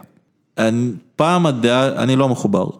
מה זה אומר שאתה לא מחובר? זאת אומרת, אתה לא קראת את הסיפורים בפייסבוק וכל האלה? אני קראתי קצת, אה, וכשקראתי אותם הם נורא הרגיזו אותי. למה? הם... ההתבכיינות בעיניך? אני חושב שקצת, חשבתי לפחות שקצת כן, קודם כל תראה, איך אתה לא אמפתי ל... היחס שלי השתנה לעניין הזה, כי אני מאוד ציוני בהשקפותיי ואני כן חושב ש... אבל אפשר להיות ציוני ולהגיד שהיה קשה. אני, אני בהחלט חושב שכל הגירה היא קשה, גם הגירה שהיא הייתה סופר סופר, המדינה פה עשתה שמיניות באוויר כדי לקלוט כמות בלתי אפשרית כזאת בזמן כל כך קצר של עולים. אנחנו מדברים פה על הגירה של 90-91. כן, באו, באו לפה מיליון אנשים, זאת אומרת, וקלטו אותם, אני לא, לא חושב שיש איז, איזושהי מדינה שהצליחה לקלוט בצורה כל כך טובה, כמות כזו עצומה של אנשים. אז זה לא הכמות, זה, זה האחוז מהאוכלוסייה, זאת אומרת, היה פה אה, שלושה או ארבעה מיליון והגיעו עוד מיליון. נכון. לארה"ב יכולים להגיע היום מיליון, וזה לא יהיה קשה כמו... אני לא חושב שמגיע לשם מיליון מהגרים בשנה לארה"ב, או בשנתיים. בטוח שלא עכשיו. אני לא, לא חושב שגם בזמן הרגע, באמת אין לי שום נתונים לגבי אה, מספרי ההגירה הברית, אני לא, או לכאן, אני, לא נראה לי שמדינות ההגירה הגדולות מתמודדות עם מספרים כאלה, שלא לדבר על העובדה שבאמת אנחנו פה היינו באמת שלושה ארבעה מיליון. וזה מדינה פצפונת. אז כן. אני חושב ש-all in all, הקליטה פה הייתה מדהימה. עכשיו, האם זה היה קשה? האם אה, אכלנו מרורים? בהחלט אכלנו. אה, ההתעקשות הזאת על אה, יצירת איזושהי זהות, ישראלית, רוסית, פרטיקולריסטית וזה, זה מאוד עצבן אותי בהתחלה. עכשיו, עם הזמן היחס שלי השתנה לזה קצת בגלל שא', הכרתי כמה אנשים משם, אה, אישית, כמו שלום למשל, אה, שעוד פעם הוא לא היה אף פעם איכשהו רשמית שייך לתנועה הזאת, אבל, אה, אבל הוא היה קרוב שם. אמ, והכרתי אנשים מצוינים שאני מאוד מחבב. לכן אבל מה שכן, האנשים האלה, גם הם עם הזמן החליטו שהרעש שהתנועה הזאת הקימה בזמנו, והיה קצת רעש, הוא היה רועש מדי. זאת אומרת, צריכה להיות איזושהי דרך ביניים. אנחנו באמת, אף אחד לא דרש מאיתנו לוותר על הזהות שלנו כעולים מרוסיה, עולים מאוקראינה, באמת שאף אחד לא דרש את זה. לא בצורה לפחות ממסדית ולא זה, אם אתה רוצה לשמור את זה, אתה תשמור על זה. תשמרו, זה רק מעדני מניה. נכון. לא, אתה יודע, אני צוחק, אבל זה, אבל באמת, זה, זה לא כור ההיתוך של שנות ה-40 וה-50 וה-60 שבאמת עשו עבודה יותר יסודית, בוא נגיד, במחיקת, אה, זאת אומרת שזה מה שהיה הדיבור, לא יודע אם הצליחו, כי עובדתית לא, אבל לא באמת היה, ש... היה ניסיון מודע אה, למחוק את העבר. את המקור. יפה, אז במקרה שלנו לפחות הרוסים, אני לא חושב שבאמת, אני בטוח שיש סיפור מפה וסיפור משם, שהלכתי לאיזה בית ספר ממלכתי דתי ושם אמרו לי ככה ותלבש חצאי, תלבש חצאי. בטוח שכן. בטוח שיש סיפורים כאלה, אני חושב אבל כאילו... הם מופיעים שם, מה הכוונה? נכון, אני חושב שבמקרו אבל באמת נעשה פה מעשה גדול בידי העם והמדינה בלקלוט אותנו. שוב, תשאל אותי, האם יש לי מלא סיפורים שהתנכלו אליי בתור אה, עולה חדש ועשו עליי חרמות והרביצו וזה וזה וזה, עד שנהיה מספיק רוסים ב... להחזיר חזרה, יש, הכל יש, אבל אני חושב שזה סיפור, אה, אני מסתכל על חצי הכוס המלאה בעניין הזה, ואני כאילו לגמרי, אה, אני מגדיר עצמי בראש ובראשונה כישראלי, לגמרי, זאת אומרת, הסיפור הזה של נולדתי באוקראינה הוא ממש דיסטנט סקנד כאילו, ממש. כן, אין אחד כמו קלי דוכין איזשהו זיכרון מתוק על על מדינה מופלאה. לא, אני באתי משם בגיל 10, אני זוכר היטב איזה מדינה עזבתי. כן, אתה יודע, אתה מדבר על ארבע שנים אחרי אחד מהאסונות הגדולים, חמש שנים אחרי אחד מהאסונות אה, הגדולים כן. של המין האנושי בפוטנציה, שבמקרה נמנע קצת. היה גם קרוב אליי יחסית, שמע, כן. זאת אומרת, גרתי בדניפרופטורסק, נהר דניפר, ש... זה מאות קילומטרים מצ'רנוביל. כן, כן, כן. כן. כן, אין פה מה, אין, אין, זה לא, שאתה יודע, זה לא מהגרים מארצות לא הברית או אנגליה. אתה יודע, אני זוכר את צ'רנובל, אני באמת זוכר מה בדיוק הלך שם בימים ההם, זאת אומרת, אני הייתי בן 6, אני זוכר את זה. מה זה היית בן 6? אה, אתה היית בן 6, כן. אני כן. זוכר את זה יחסית לא רע, אני זוכר שעד כמה זה היה מושתק שם. תקשיב, אנשים הבינו בברית המועצות מה זה צ'רנובל שנתיים או שלוש אחר כך. ראית את הסדרה? ודאי. משהו. אה, כן, עשו עבודה יפה מאוד, לפחות ברמת השחזור כאילו החומרי. היו לי כמה הערות על ה... גם עוד פעם, הייתה שם איזו הפשטה מסוימת של, אני חושב שבסך הכל עשו עבודה מאוד אה, יפה. כי איחדו 50 מדענים למדענית אחת בין השאר. גם זה וגם היה צריכים לעשות שם גיבור מה... למרות שהם עשו, הם הדגישו בסוף טוב מאוד את היותו אה, אנטישמי ולא סלחו, אתה יודע, הסדרה לא מוותרת. אני חושב שיחסית לאיך שעושים סדרות היסטוריות בדרך כלל, פה ה-HBO עשו עבודה מופלאה, בכלל אני מאוד אוהב את אה, אה, העבודה שה-HBO עושים, הם מאוד מאוד רציניים כשהם ניגשים לשחזור היסטורי. כועסים עליך על הדעה הזאתי? של, אה, שאתה כאילו לא רצת עם הזרם של אחד וחצי, זאת אומרת החבר'ה שמסתכלים עליך. זה היו בתור- אנשים מאוד ספציפיים, זאת אומרת זה היה כמה עשרות אנשים, ושוב, היחס שלהם לעניין הזה היה שונה ומגוון. היו כאלה שבאמת ניסו, אנחנו נהיה עכשיו כמו הפעילים של הקשת המזרחית החדשה, הקורסים, שאלה בכלל אין, אין, אין לי מה לדבר איתם יותר מדי, והיו שם כאלה שאמרו שסך הכל בואו, בואו, בואו נזכור קצת, נכניס לפה, כמו שיש מימונה, בואו נכניס נובגות, בואו, בסדר, אין לי בעיה עם זה, בסדר גמור. גם צריך להגיד שרוב האנשים שם שכותבים זה החבר'ה הצעירים יותר שבכל זאת היה להם עדיין עוד יותר קל מלהורים שלהם, שכמהגר מבוגר זה עוד יותר קשה. שמע, אני, אני באמת חושב שכל סיפור של הגירה הוא סיפור שהוא רווי קשיים, כן? כן. אבל קודם כל ההגירה שלנו כיהודים לארץ ישראל היא דבר מיוחד, כן? כי- ואנחנו הרגשנו את זה בתור דבר מיוחד. אה, אנחנו הרגשנו שפגשנו פה את העם שלנו, למרות שכל הקשיים ולמרות שאחר כך גיל- גילינו שלא כל עדה מתייחסת אליך באותה מידה של זה ולא כל, אבל זה עוד פעם, זה לא נכון גם להגיד שכל, נגיד המרוקאים לא התייחסו לרוסים יפה, זה לא נכון, זה פשוט לא נכון, היו מלא מלא מרוקאים שהתייחסו בטח- אלינו בטח סופר באשדוד או יפה. באר שבע איפה שאני גדלתי, זה מה היה, היה מרוקאים ורוסים, אז זה העדות שגם היו ביחד, זאת אומרת, נכון. לא, אני לא, לא הכרתי אשכנזים כשגדלתי, אשכנזים במובן של מרכז אירופה או אה, מערב יפה, אירופה. יפה, אז אני חושב, ב- אני ברצינות, ברצינות מאמין בסיפור הזה של אה, כור ההיתוך הישראלי. אני חושב שלא צריך לעשות אותו בכוח, אני לא חושב שצריך לעשות לא אותו צריך בלחץ ממסדי. לפורר את החברה. כן, אני לא חושב שצריך לעשות את זה בלחץ ממסדי, אבל אני בהחלט חושב שיש פה כור היתוך תרבותי סבבה לגמרי, ו... כן, בסוף זה הרבה תרבויות מאוד שונות, כן, זה אתגר מאוד מגניב. אבל אני, אני לא צוחק כשאני, אתה יודע, כשהייתי בצוות בצבא, שאני הרגשתי לגמרי שהבחור האתיופי שלידי הוא אחי, כאילו, זאת אומרת, אני לא, לא היה לי בכלל מחשבות שניות בעניין הזה, אני מרגיש הרבה יותר קשור אליו מאשר לאוקראינים שאיתם גדלתי עד גיל 10. אני פי אלף מרגיש יותר קשור אליו, למרות ש- שאיתו ביליתי, אתה יודע, כמה אתה מבלה, הוא היה בצוות מקביל, אז זה היה שנתיים גילי. כן, אין מה לעשות, אה, זה אני תמיד אומר שהמפקד שלי, אה, מר אופיר לוגסי הגדול, שהוא לקח, שעלינו, לא, ביום הראשון, לפני שעלינו ליחידה מן הסתם, ביום הראשון של, במסלול, הוא פתח עלינו אורות חזקים מאיזה ג'יפ, או לא יודע, איזה סצנה דרמטית כזאת שבגיל 18 חרוטה לך טוב. הוא אדם דתי, אבל הוא עדיין אמר את זה שיש שתי סיטואציות בחיים שמדביקות אותך עם זהה, על אחת הוא לא יכול לדבר כי הוא אדם אה, מאמין, ואת השנייה הוא יגרום לנו להרגיש בשנה וחצי הקרובות. אז אמר, אתם תדבקו טוב טוב, במעט זמן תדבקו לכל החיים, והוא צדק, אנחנו עדיין בקשר טוב. כן, שוב, אבל הצבא הוא רק חלק מזה, זאת אומרת. הרעות הזאת של הזה. אני בהחלט מרגיש הרבה יותר קשור, עוד פעם, למשפחת, לשכנים התימנים שיש לי מצד אחד, אני מרגיש אליהם קשור באותה מידה, באותה אהבה, כמו שאני קשור לשכנים, המשפחה הרוסית שחיה בצד השני של ה... עשית פעם בדיקה שלי. גנטית? לא.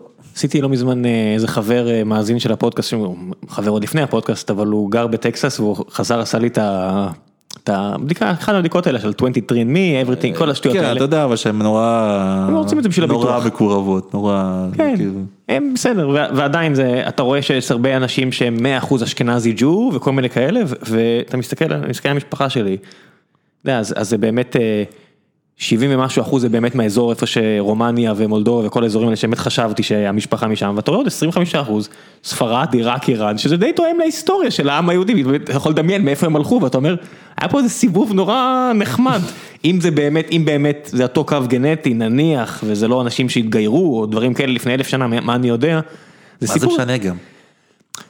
לי זה לא, זה כמו שאמרנו על ממנטו ועל הדטרמיניזם, הסיפור עצמו הוא סיפור יפה, בסופו של דבר. בסדר, אתה יודע, זה כמו שאני, אתה יודע, כשאני הייתי, בנעוריי הייתי מתווכח ברשת עם כל מיני לאומנים רוסים כאלה, שאנטישמים וזה. בסוף, בסוף הייתי אומר להם, "ת- תגיד לי, איך אתה לא מתבייש? אתה, אתה קורא לעצמך נוצרי ואתה מתווכח פה עם אה, קרוב משפחה של האלוהים שלך? אה, כן. בסוף אנחנו כאילו, אין מה לעשות. כן, כל הנוצרים הגזענים בסוף זה כמו אצל ג'ורגן, בסוף הם צריכים לדעת שישו היה בדואי מטר ארבעים וחמש. בסוף אתה יודע, יש לך תמיד את הציורים האלה של ישו אם היה. כן, אם, היה, יש תמיד את ה... האיקונות האלה של ישו בתור איזה נורדי כזה עם שיער שופע לבן, ג'ינג'י, מטר, מטר שמונים, אתה אומר, לא אחי הוא היה בדואי מטר ארבעים כמו כולם אז, אה, בסדר, אתה יודע, כל- עם יש לו את הישו שלו, כשעשו את הניצור של הוויקינגים עשו להם תור ברית חדשה מיוחדת שבה ישו הוא קונונג והתלמידים שלו הם מהיארלים כאלה, כל מיני כאלה, הם אה, ויקינגים חרבות ובוודאי שזה שחיילים רומאים לא יכולים לעצור אותו כי הם קודשים שם את כולם בחרבות שלהם וזה כאילו, זה מתאים לאתוס הוויקינגי. אריק, בוא-. בוא נעשה עוד שתי שאלות מהקהל. אריק אהרוני שואל, מה יותר אה, מרתק לדעתך, בהנחה שצריך לבחור רק תחום אחד, היסטוריה אמריקאית או רוסית? למה צריך לבחור רק תחום אחד? כי אם אתה צריך לבחור, אם עכשיו אתה יודע, אתה אומרים לך עכשיו אתה צריך לכתוב ספר או לא יודע מה ואתה צריך ל- להתעמק עכשיו עשר שנים באחת מה- מהסיטואציות, זה לא איזה, זה לא איזה שאלה היפותטית לגמרי, בסוף אה, אם אתה צריך, לח- יש אנשים שבוחרים אחד ונניח ואתה צריך לבחור. שמע, יש אה, איזושהי מיסקונספציה לגביי, בגלל שאני כותב בפייסבוק בעיקר על נושאים היסטוריים, אנשים מניחים שאני היסטוריון. שזה נכון אבל חלקית, אני מתעסק בהיסטוריה של רעיונות בתחום המקצועי שלי, אני מתעסק בהיסטוריה של רעיונות פוליטיים. ההיסטוריה הכללית היא תחביב, אוקיי? בגלל שאתה לא יכול לחשוב ולחקור רעיונות פוליטיים בלי להבין את הסביבה שבה הם נוצרו והתפתחו, אז אני קורא הרבה היסטוריה כללית. זה לא באמת התחום המקצועי שלי. עכשיו, בגלל זה השאלה הזאת היא כבר מראש לא לשם ולא לפה, כן? אם הייתם לוחצים אותי לקיר, הייתי אומר האמריקאית, פשוט בגלל שאני מת על הקבוצה של האנשים שהקימו את ארצות הברית, מה שנקרא אבות המייסדים, או לפחות חלקם, כמו אדמס ומדיסון המילטון. והמילטון, פחות ג'פרסון, אבל כן, זה יש שם קבוצה מדהימה של אנשים לדעתי. שאני- מהבלוגים המוצלחים בהיסטוריה המילטון, אה, כן, מהבלוגרים המוצלחים שהיו. נכון. תחשוב בן אדם כמה כמה הרעיונות שלו הקדימו את זמנם בהרבה מובנים, איזה אינטלקטואל עצום. לגמרי, והנה אתה מדבר איתי על אה, דטרמיניזם, איזשהו יתום מסכן מג'מ... מאיפה הוא היה? מג'מייקה? מס- משהו בקריבים שם. כן. כן. אגב, שמתנגד עבדות עקרוני, למרות שכאילו ראה עבדות כל החיים שלו מסביבו. אה. קיצור, אני, בגלל שאני מת על הקבוצה הזו של האבות המייסדים, הייתי מעדיף להתמקד בהיסטוריה האמריקאית, אבל אני מאוד אוהב גם את זה וגם את זה. מה לעשות, שתי שאלות, שאלה, אולי שאלה אחרונה, בוא נראה כמה זמן ייקח. אה, עמית שרון שואל, מה חושב פוטין על הממשל הנוכחי בסין? האמת שזה משהו ש... מה, באמת המערכת יחסים של רוסיה לסין? מה אומרים, אתה, אתה הרי נחשף לתקשורת הרוסית, איך מתייחסים לסין ברוסיה? ביראת כבוד, בזלזול? העם הרוסי סבור שהממשל מוכר את רוסיה חלק אחר חלק לסין, ואני חושב שיש בכך לא מעט אמת. כולם מוכרים את, את, את המדינה שלהם לסין, זה, זה היה בונטון עד לפני שנייה לא, אבל וחצי. ל- רוסיה התברכה בגבול מאוד מאוד ארוך עם סין, אה, שזה המקומות שמשם מוציאים, כורתים שם את היערות בשביל אה, העץ שהולך לסין, פותחים שם, מפתחים שם מרבצים שהולכים לסין וכך הלאה וכך הלאה, אני חושב שיש לא מעט אמת בחשד העממי הרוסי בקשר לזה שהממשל מוכר אותם לסינים חתיכה חתיכה חתיכה חתיכה. מילא אם הכסף היה חוזר לרוסים ולא נכנס רק לכיס של איזה ארבעה וחצי אנשים. נכון. עכשיו, מה פוטין חושב על סינים, אין לי שמץ של מושג, מעולם לא דיברתי עם פוטין, אני מסקרן אותך? לא אני לא חושב שזה חשוב מה פוטין לא, חושב לא, על לא, סינים. לא, לא, מסקרן אותך, כאילו, זאת אומרת, אני, אני מודה שאם היית מושיב לי עכשיו את ביבי לפרק של שלוש שעות של הפודקאסט, הייתי, אין כמעט בן אדם שאני הייתי רוצה לדבר איתו יותר מאשר בנימין נתניהו. אני חושב שבנימין נתניהו, ביבי, הוא מסקרן אה, פי אלף מפוטין. כן? אז אני אומר, אם, היה- לי את השפה, היה מעניין אותי לדבר עם פוטין, אבל פשוט בגלל שאין לי את השפה, אני לא חושב שהייתי אני יכול. קראתי על פוטין לא מעט, והקונסנזוס לגביו הוא שמדובר באדם שהוא לא טיפש, אבל הוא ממש ממש לא גאון, יש לו המון blind sides טכנולוגיים כן, שהוא, אין ותפיסתיים. לו טלפון אפילו. הוא, יש לו טלפון, אבל כאילו הוא לא, לא אוהב לא להשתמש אינטרנט, באינטרנט, כן. אמ, הוא לא, הוא מאוד מאוד, הוא קצת ערמומי, הוא קצת תמים באותה מידה, הוא לא כזה אדם גאון ולא אדם חזק כמו שנוהגים לדמיין אותו ידידיו, מעריציו ואויביו, הוא ממש לא זה. פוטין הוא דמות שבתור דמות פשרה לאליטות השונות ברוסיה שמרוצות ממנה, אז הוא בינתיים שם. כנראה שגם סטלין לא היה... לא, אני חושב שיש הבדל, שכן? כן, אני, שוב, ממה שקראתי על סטלין, אין מה להשוות בכלל, סטלין היה, אה, בדיוק עכשיו סיימת, כאילו גררתי את זה הרבה זמן, אבל סיימתי איזה ביוגר- ביוגרפיה אה, של ז'וקוב. ומן הסתם, מאת מי? אה, אחת מהן, אתה יודע, אני אסתכל אוקיי. תכף בקינדל איזה מהן זו, אבל מן הסתם ביוגרפיה של ז'וקוב לא יכולה להוציא את סטלין כזה טוב, כי זה ביוגרפיה שבאה להציג את ז'וקוב יותר טוב, אבל אתה קורא את זה, אתה אומר, וואו, אם היה למנהיג אחר אולי זה היה נגמר הרבה לפני ובצורה הרבה יותר טובה לרוסים, אבל אה, לא בטוח בכלל. אם היה להם ז'וקוב אחר אולי, ז'וקוב הוא אחד המצביעים הכי נוראים בהיסטוריה. אבל אה, איך אתה אומר את זה? מידע וניסיון, זה גם אחד מה... ז'וקוב הוא הקצב, ככה זה- ככה קראו לו.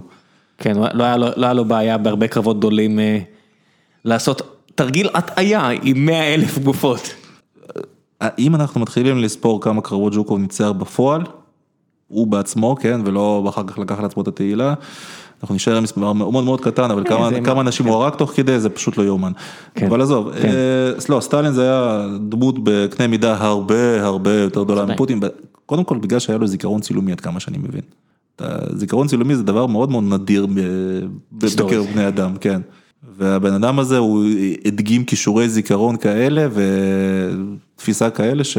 מצחיק איך זה חוזר בביוגרפיות על אנשים גדולים, העניין הזה של זיכרון, אחד מהדברים שמופיעים, אז קראתי שזה ביוגרפיה של נפוליאון, שחפרתי עליה פה מספיק, אבל קראתי אחרי זה עוד דברים על נפוליאון, וכולם מציינים אם יש קונצנזוס, על היכולת שלו להרשים חיילים בכך שהוא היה מגיע לקרב אחרי עשר שנים, כן, אומר, כן, אה, אה. אתה דש לככה וככה הבת שלך, אני זוכר אותה, סתם תותחן שהוא פשוט היה זוכר פרצוף של בן אדם שהוא לא ראה עשר שנים, חייל פשוט, והוא ידע להגיד לו תמסור דש לככה וככה, וזה היה קונה אנשים עבורו, הרי יש את הסיפור המפורסם שהוא חוזר מאלבה לסיבוב השני שלו, הפחות מפואר מן הסתם, פחות מוצלח, והוא עושה את ההליכה הזאת שהיום היא מסע אופנועים נורא מפורסם, ועוצר אותו איזה גדוד.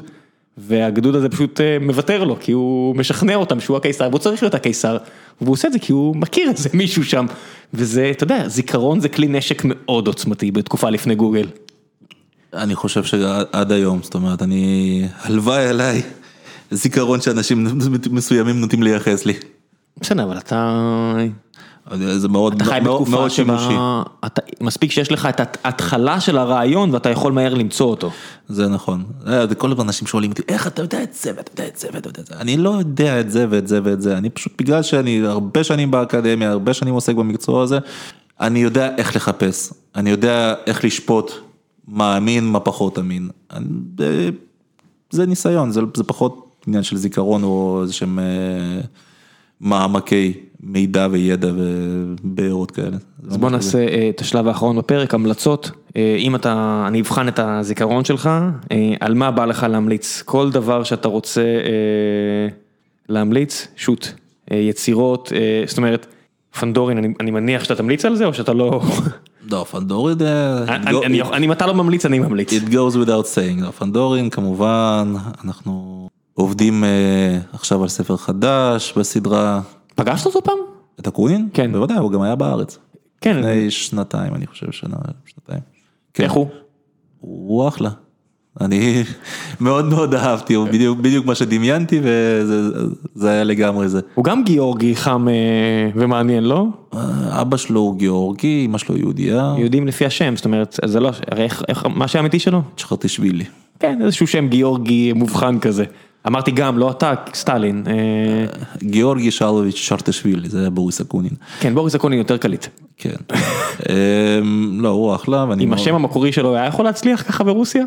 אמ, אני חושב שכן, אבל אה, זה שם מתחכם הרי הסיפור הזה של הב' אקונין, זה בקונין האנרכיסט הידוע. ו- למי שלא יודע, כן, בקונין, אחד מיכאל האנרכיסטים. בקונין, זה האבא של האנרכיזם העולמי. כן, כשרצחו, אם דיברנו על אה, טדי רוזוולט, טדי רוזוולט נהיה נשיא, כי היה איזה אמריקאי שקרא יותר מדי בקונין ורצח את... אה, קליבלנד שם. לא, את, לא, אה, את אה, משהו עם H, אה, לא אינק, אה, אה.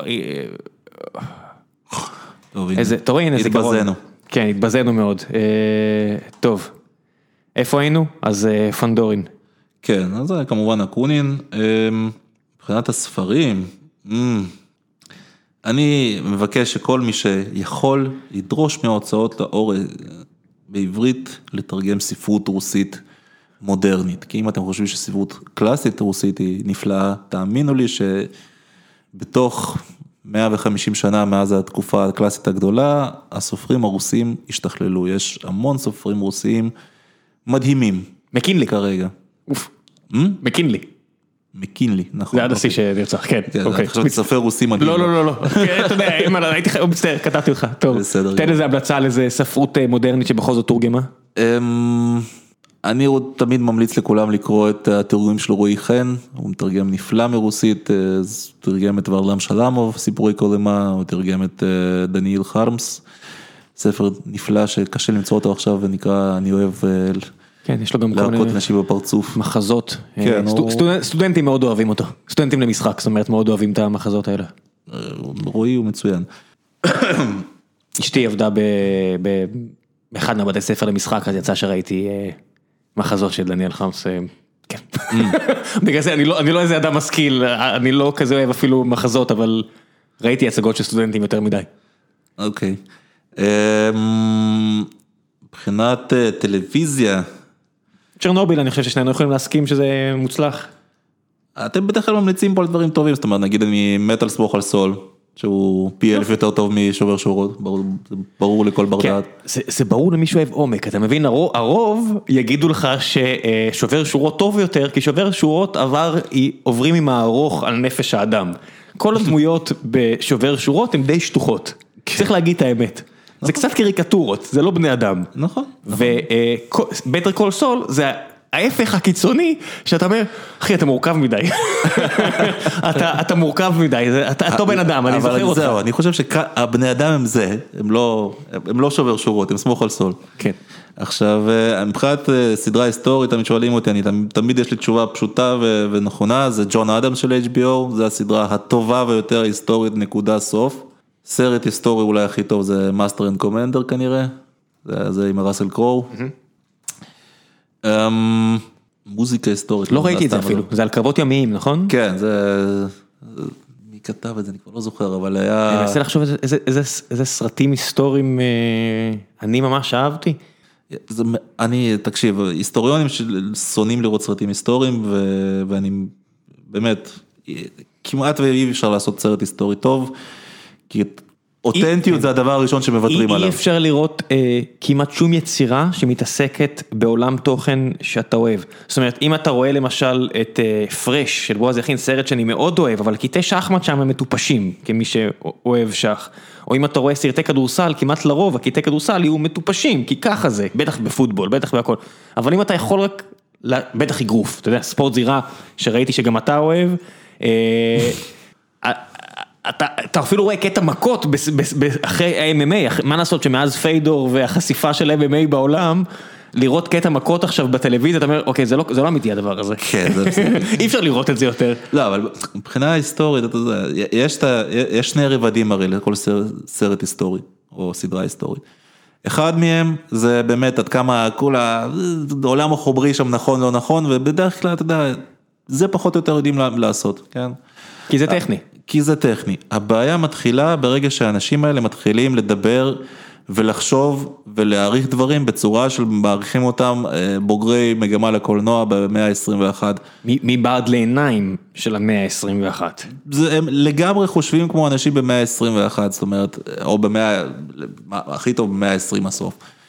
אנשים כאילו, ב, יושב לך בחור קתולי במאה ה-16 ומדבר כאילו הוא כרגע, מה זה שם הוורד? על מה אתה מדבר? אה, שם הוורד הוא דוגמה דווקא סבירה של אה, יצירה, זה בסדר. כן, זה גם מקום תחום, אתה יודע, זה בתוך מנזר הרוב. זה- כן, כן. זה, זה לא, אה, אה, לא יודע, מל גיבסון אה, חושף את הטוסיק שלו ללורד בריטי. לא, זה, כן, זהו, פרידום, כאילו, אתה מבין, יושב שם וויליאם וולס, כן? נורמני, כן? נורמני, לא אנגלי אפילו, נורמני. כן, זה 300 שנה אה, אחרי שאשכרה כבשו את ה- את האנגלים. כן. הוא מדבר על איזושהי סקוטיות אותנטית, אתם- רוצים באמת, אני נבכה עכשיו. לא, אבל יש המון דברים שאנשים לא קולטים שהרגשות שלנו והערכים שלנו הם משתנים לאור הזמן. מה שאנשים תופסים היום כדבר סופר אה, מובן מאליו, הוא ממש לא היה כזה לפני, אני מסביר לתלמידים שלי למשל, תקשיבו, אתם חושבים שאותנטיות, כן? להגיד אה, תעשה מה שאתה חושב לנכון, כן? אם אתם חושבים שפעם אנשים חשבו ככה, אתם חיים בסרט. לא, זה ג'ון הובס, אנשים רק רצו לשרוד. הרוב המוחלט של האנושות רק רצתה לשרוד. לא, תחשוב על אה, קתולי ופרוטסטנטי במלחמת דת שלהם, אתה חושב שקתולי במלחמות דת חשב שזה, זה שהפרוטסטנטי מאמין בכפירה שלו בשיא הרצינות, זה איזושהי הצדקה בשבילו? זה, אפשר לכבד אותו על זה? מה פתאום? אם הוא מאמין בזה בכנות, זה, זה סימן שצריך לרצוח, להרוג אותו כמה שיותר מהר, כי זה הופך אותו הרבה יותר מסוכן. זה הג'יהאד. נכון, הסיפור הזה של האותנטיות, לך עם הדרך שלך, תעשה מה שאתה חושב לנכון, אה, תשמע ללב שלך, לציוויים שלו, זה סיפור שהתחיל ברומנטיקה בתחילת המאה ה-19, התפתח רק 150 שנה אחר כך אלינו.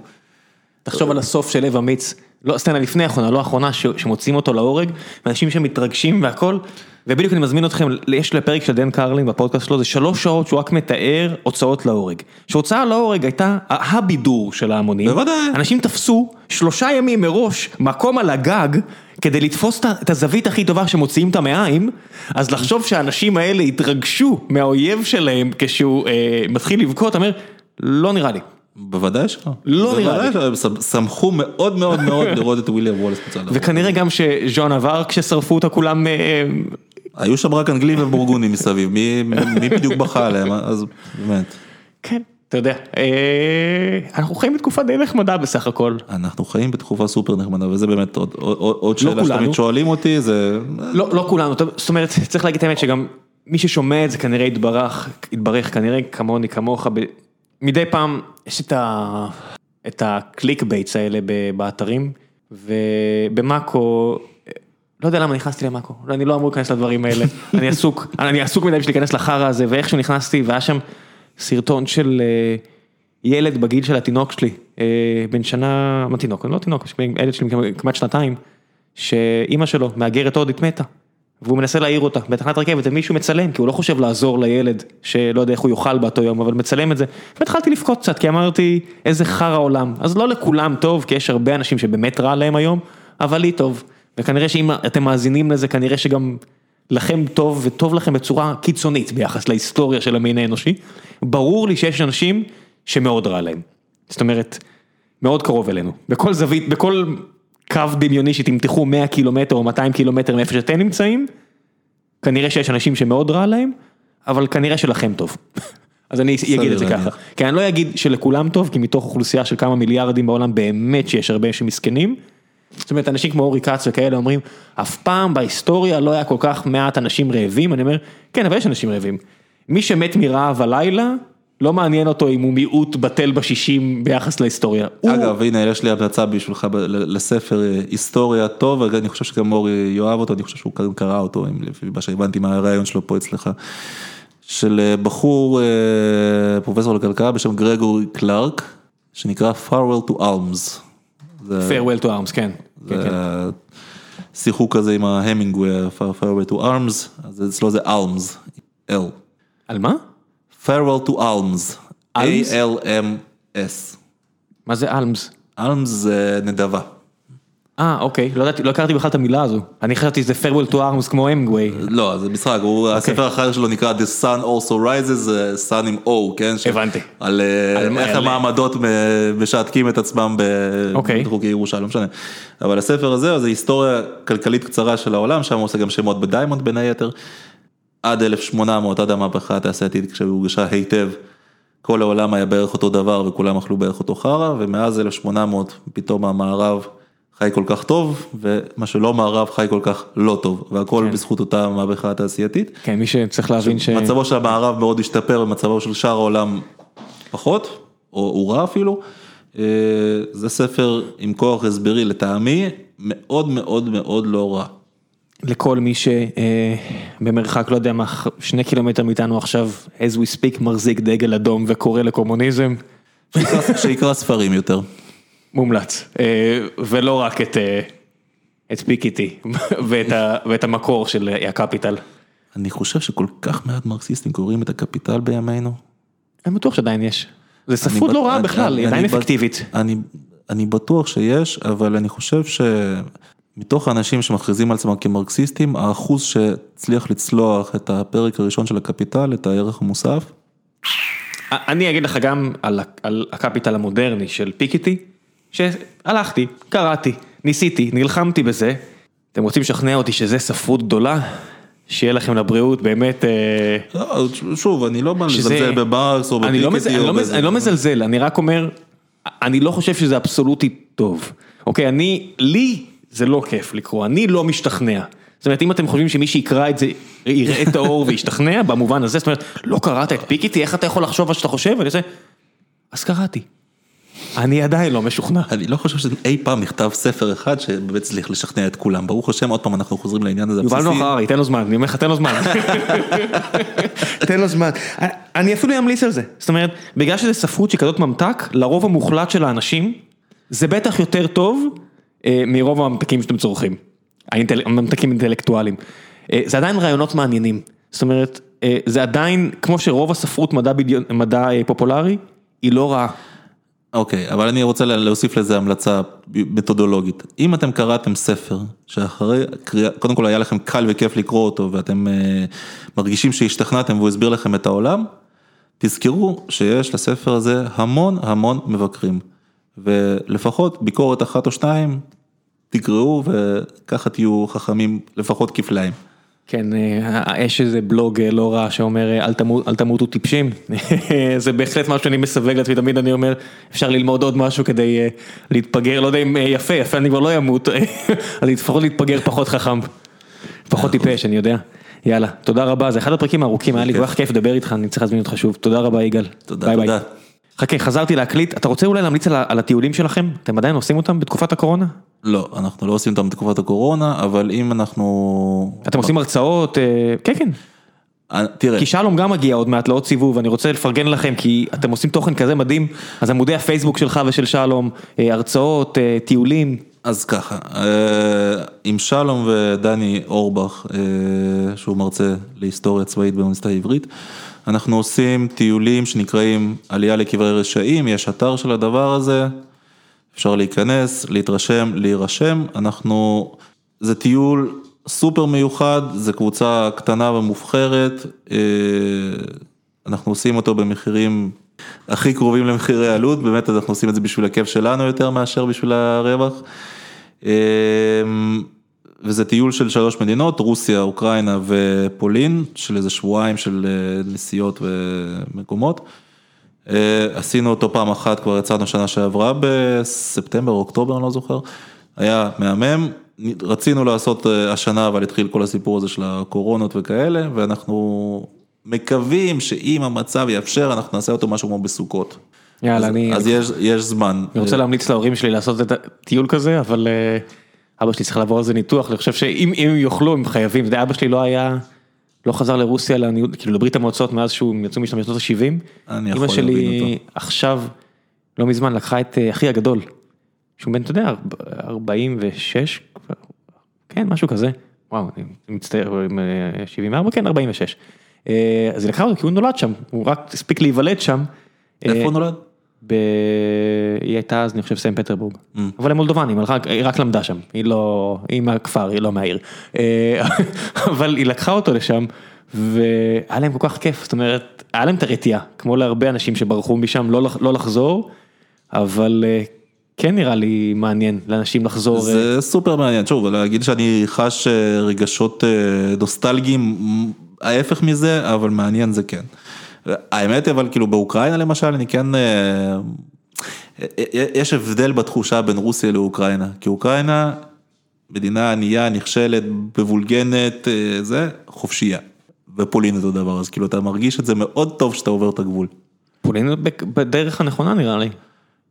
אני חושב שגם אוקראינה הוא עם קצת מזל, אבל כן, פולין היא בהחלט מדינה אירופאית עכשיו סופר מסודרת, אני הייתי, נדהמתי לראות עד כמה פולין היא כאילו פשוט אירופה לגמרי, בכל צורה. אז אה, אנחנו עושים את הטיול הזה של עלייה לקברי רשעים, ואני עושה לפעמים, אם יש קבוצה טובה, אנחנו עושים טיול אה, לעזאזל עם פנדורין. לעזאזל מאמן ומרגריטה? לא, בגלל שהספר הראשון בסדרת פנדורין, אה, פנדורין לעזאזל. נקרא עזאזל. אבל זה לא, אני הייתי בטוח שזה על לעזאזל של החתול. יש גם את זה, אנחנו עושים שם בערב כזה של בולגקו וזה, אנחנו עושים כזה טיול במוסקבה, בכל המקומות שמתוארים ברומנים. אה, כן, כי יש- זה הכל, יש לזה אחיזה בשטח שם, זה, זה, זה טיול כיפי לאנשים שאוהבים את הסדרה. אה, ויש שם גם ערב תמטי לבולגקו ולאומן ומרגריטה, אבל אה, זה כשמתאספת קבוצה מספיק גדולה כדי שזה יהיה שווה.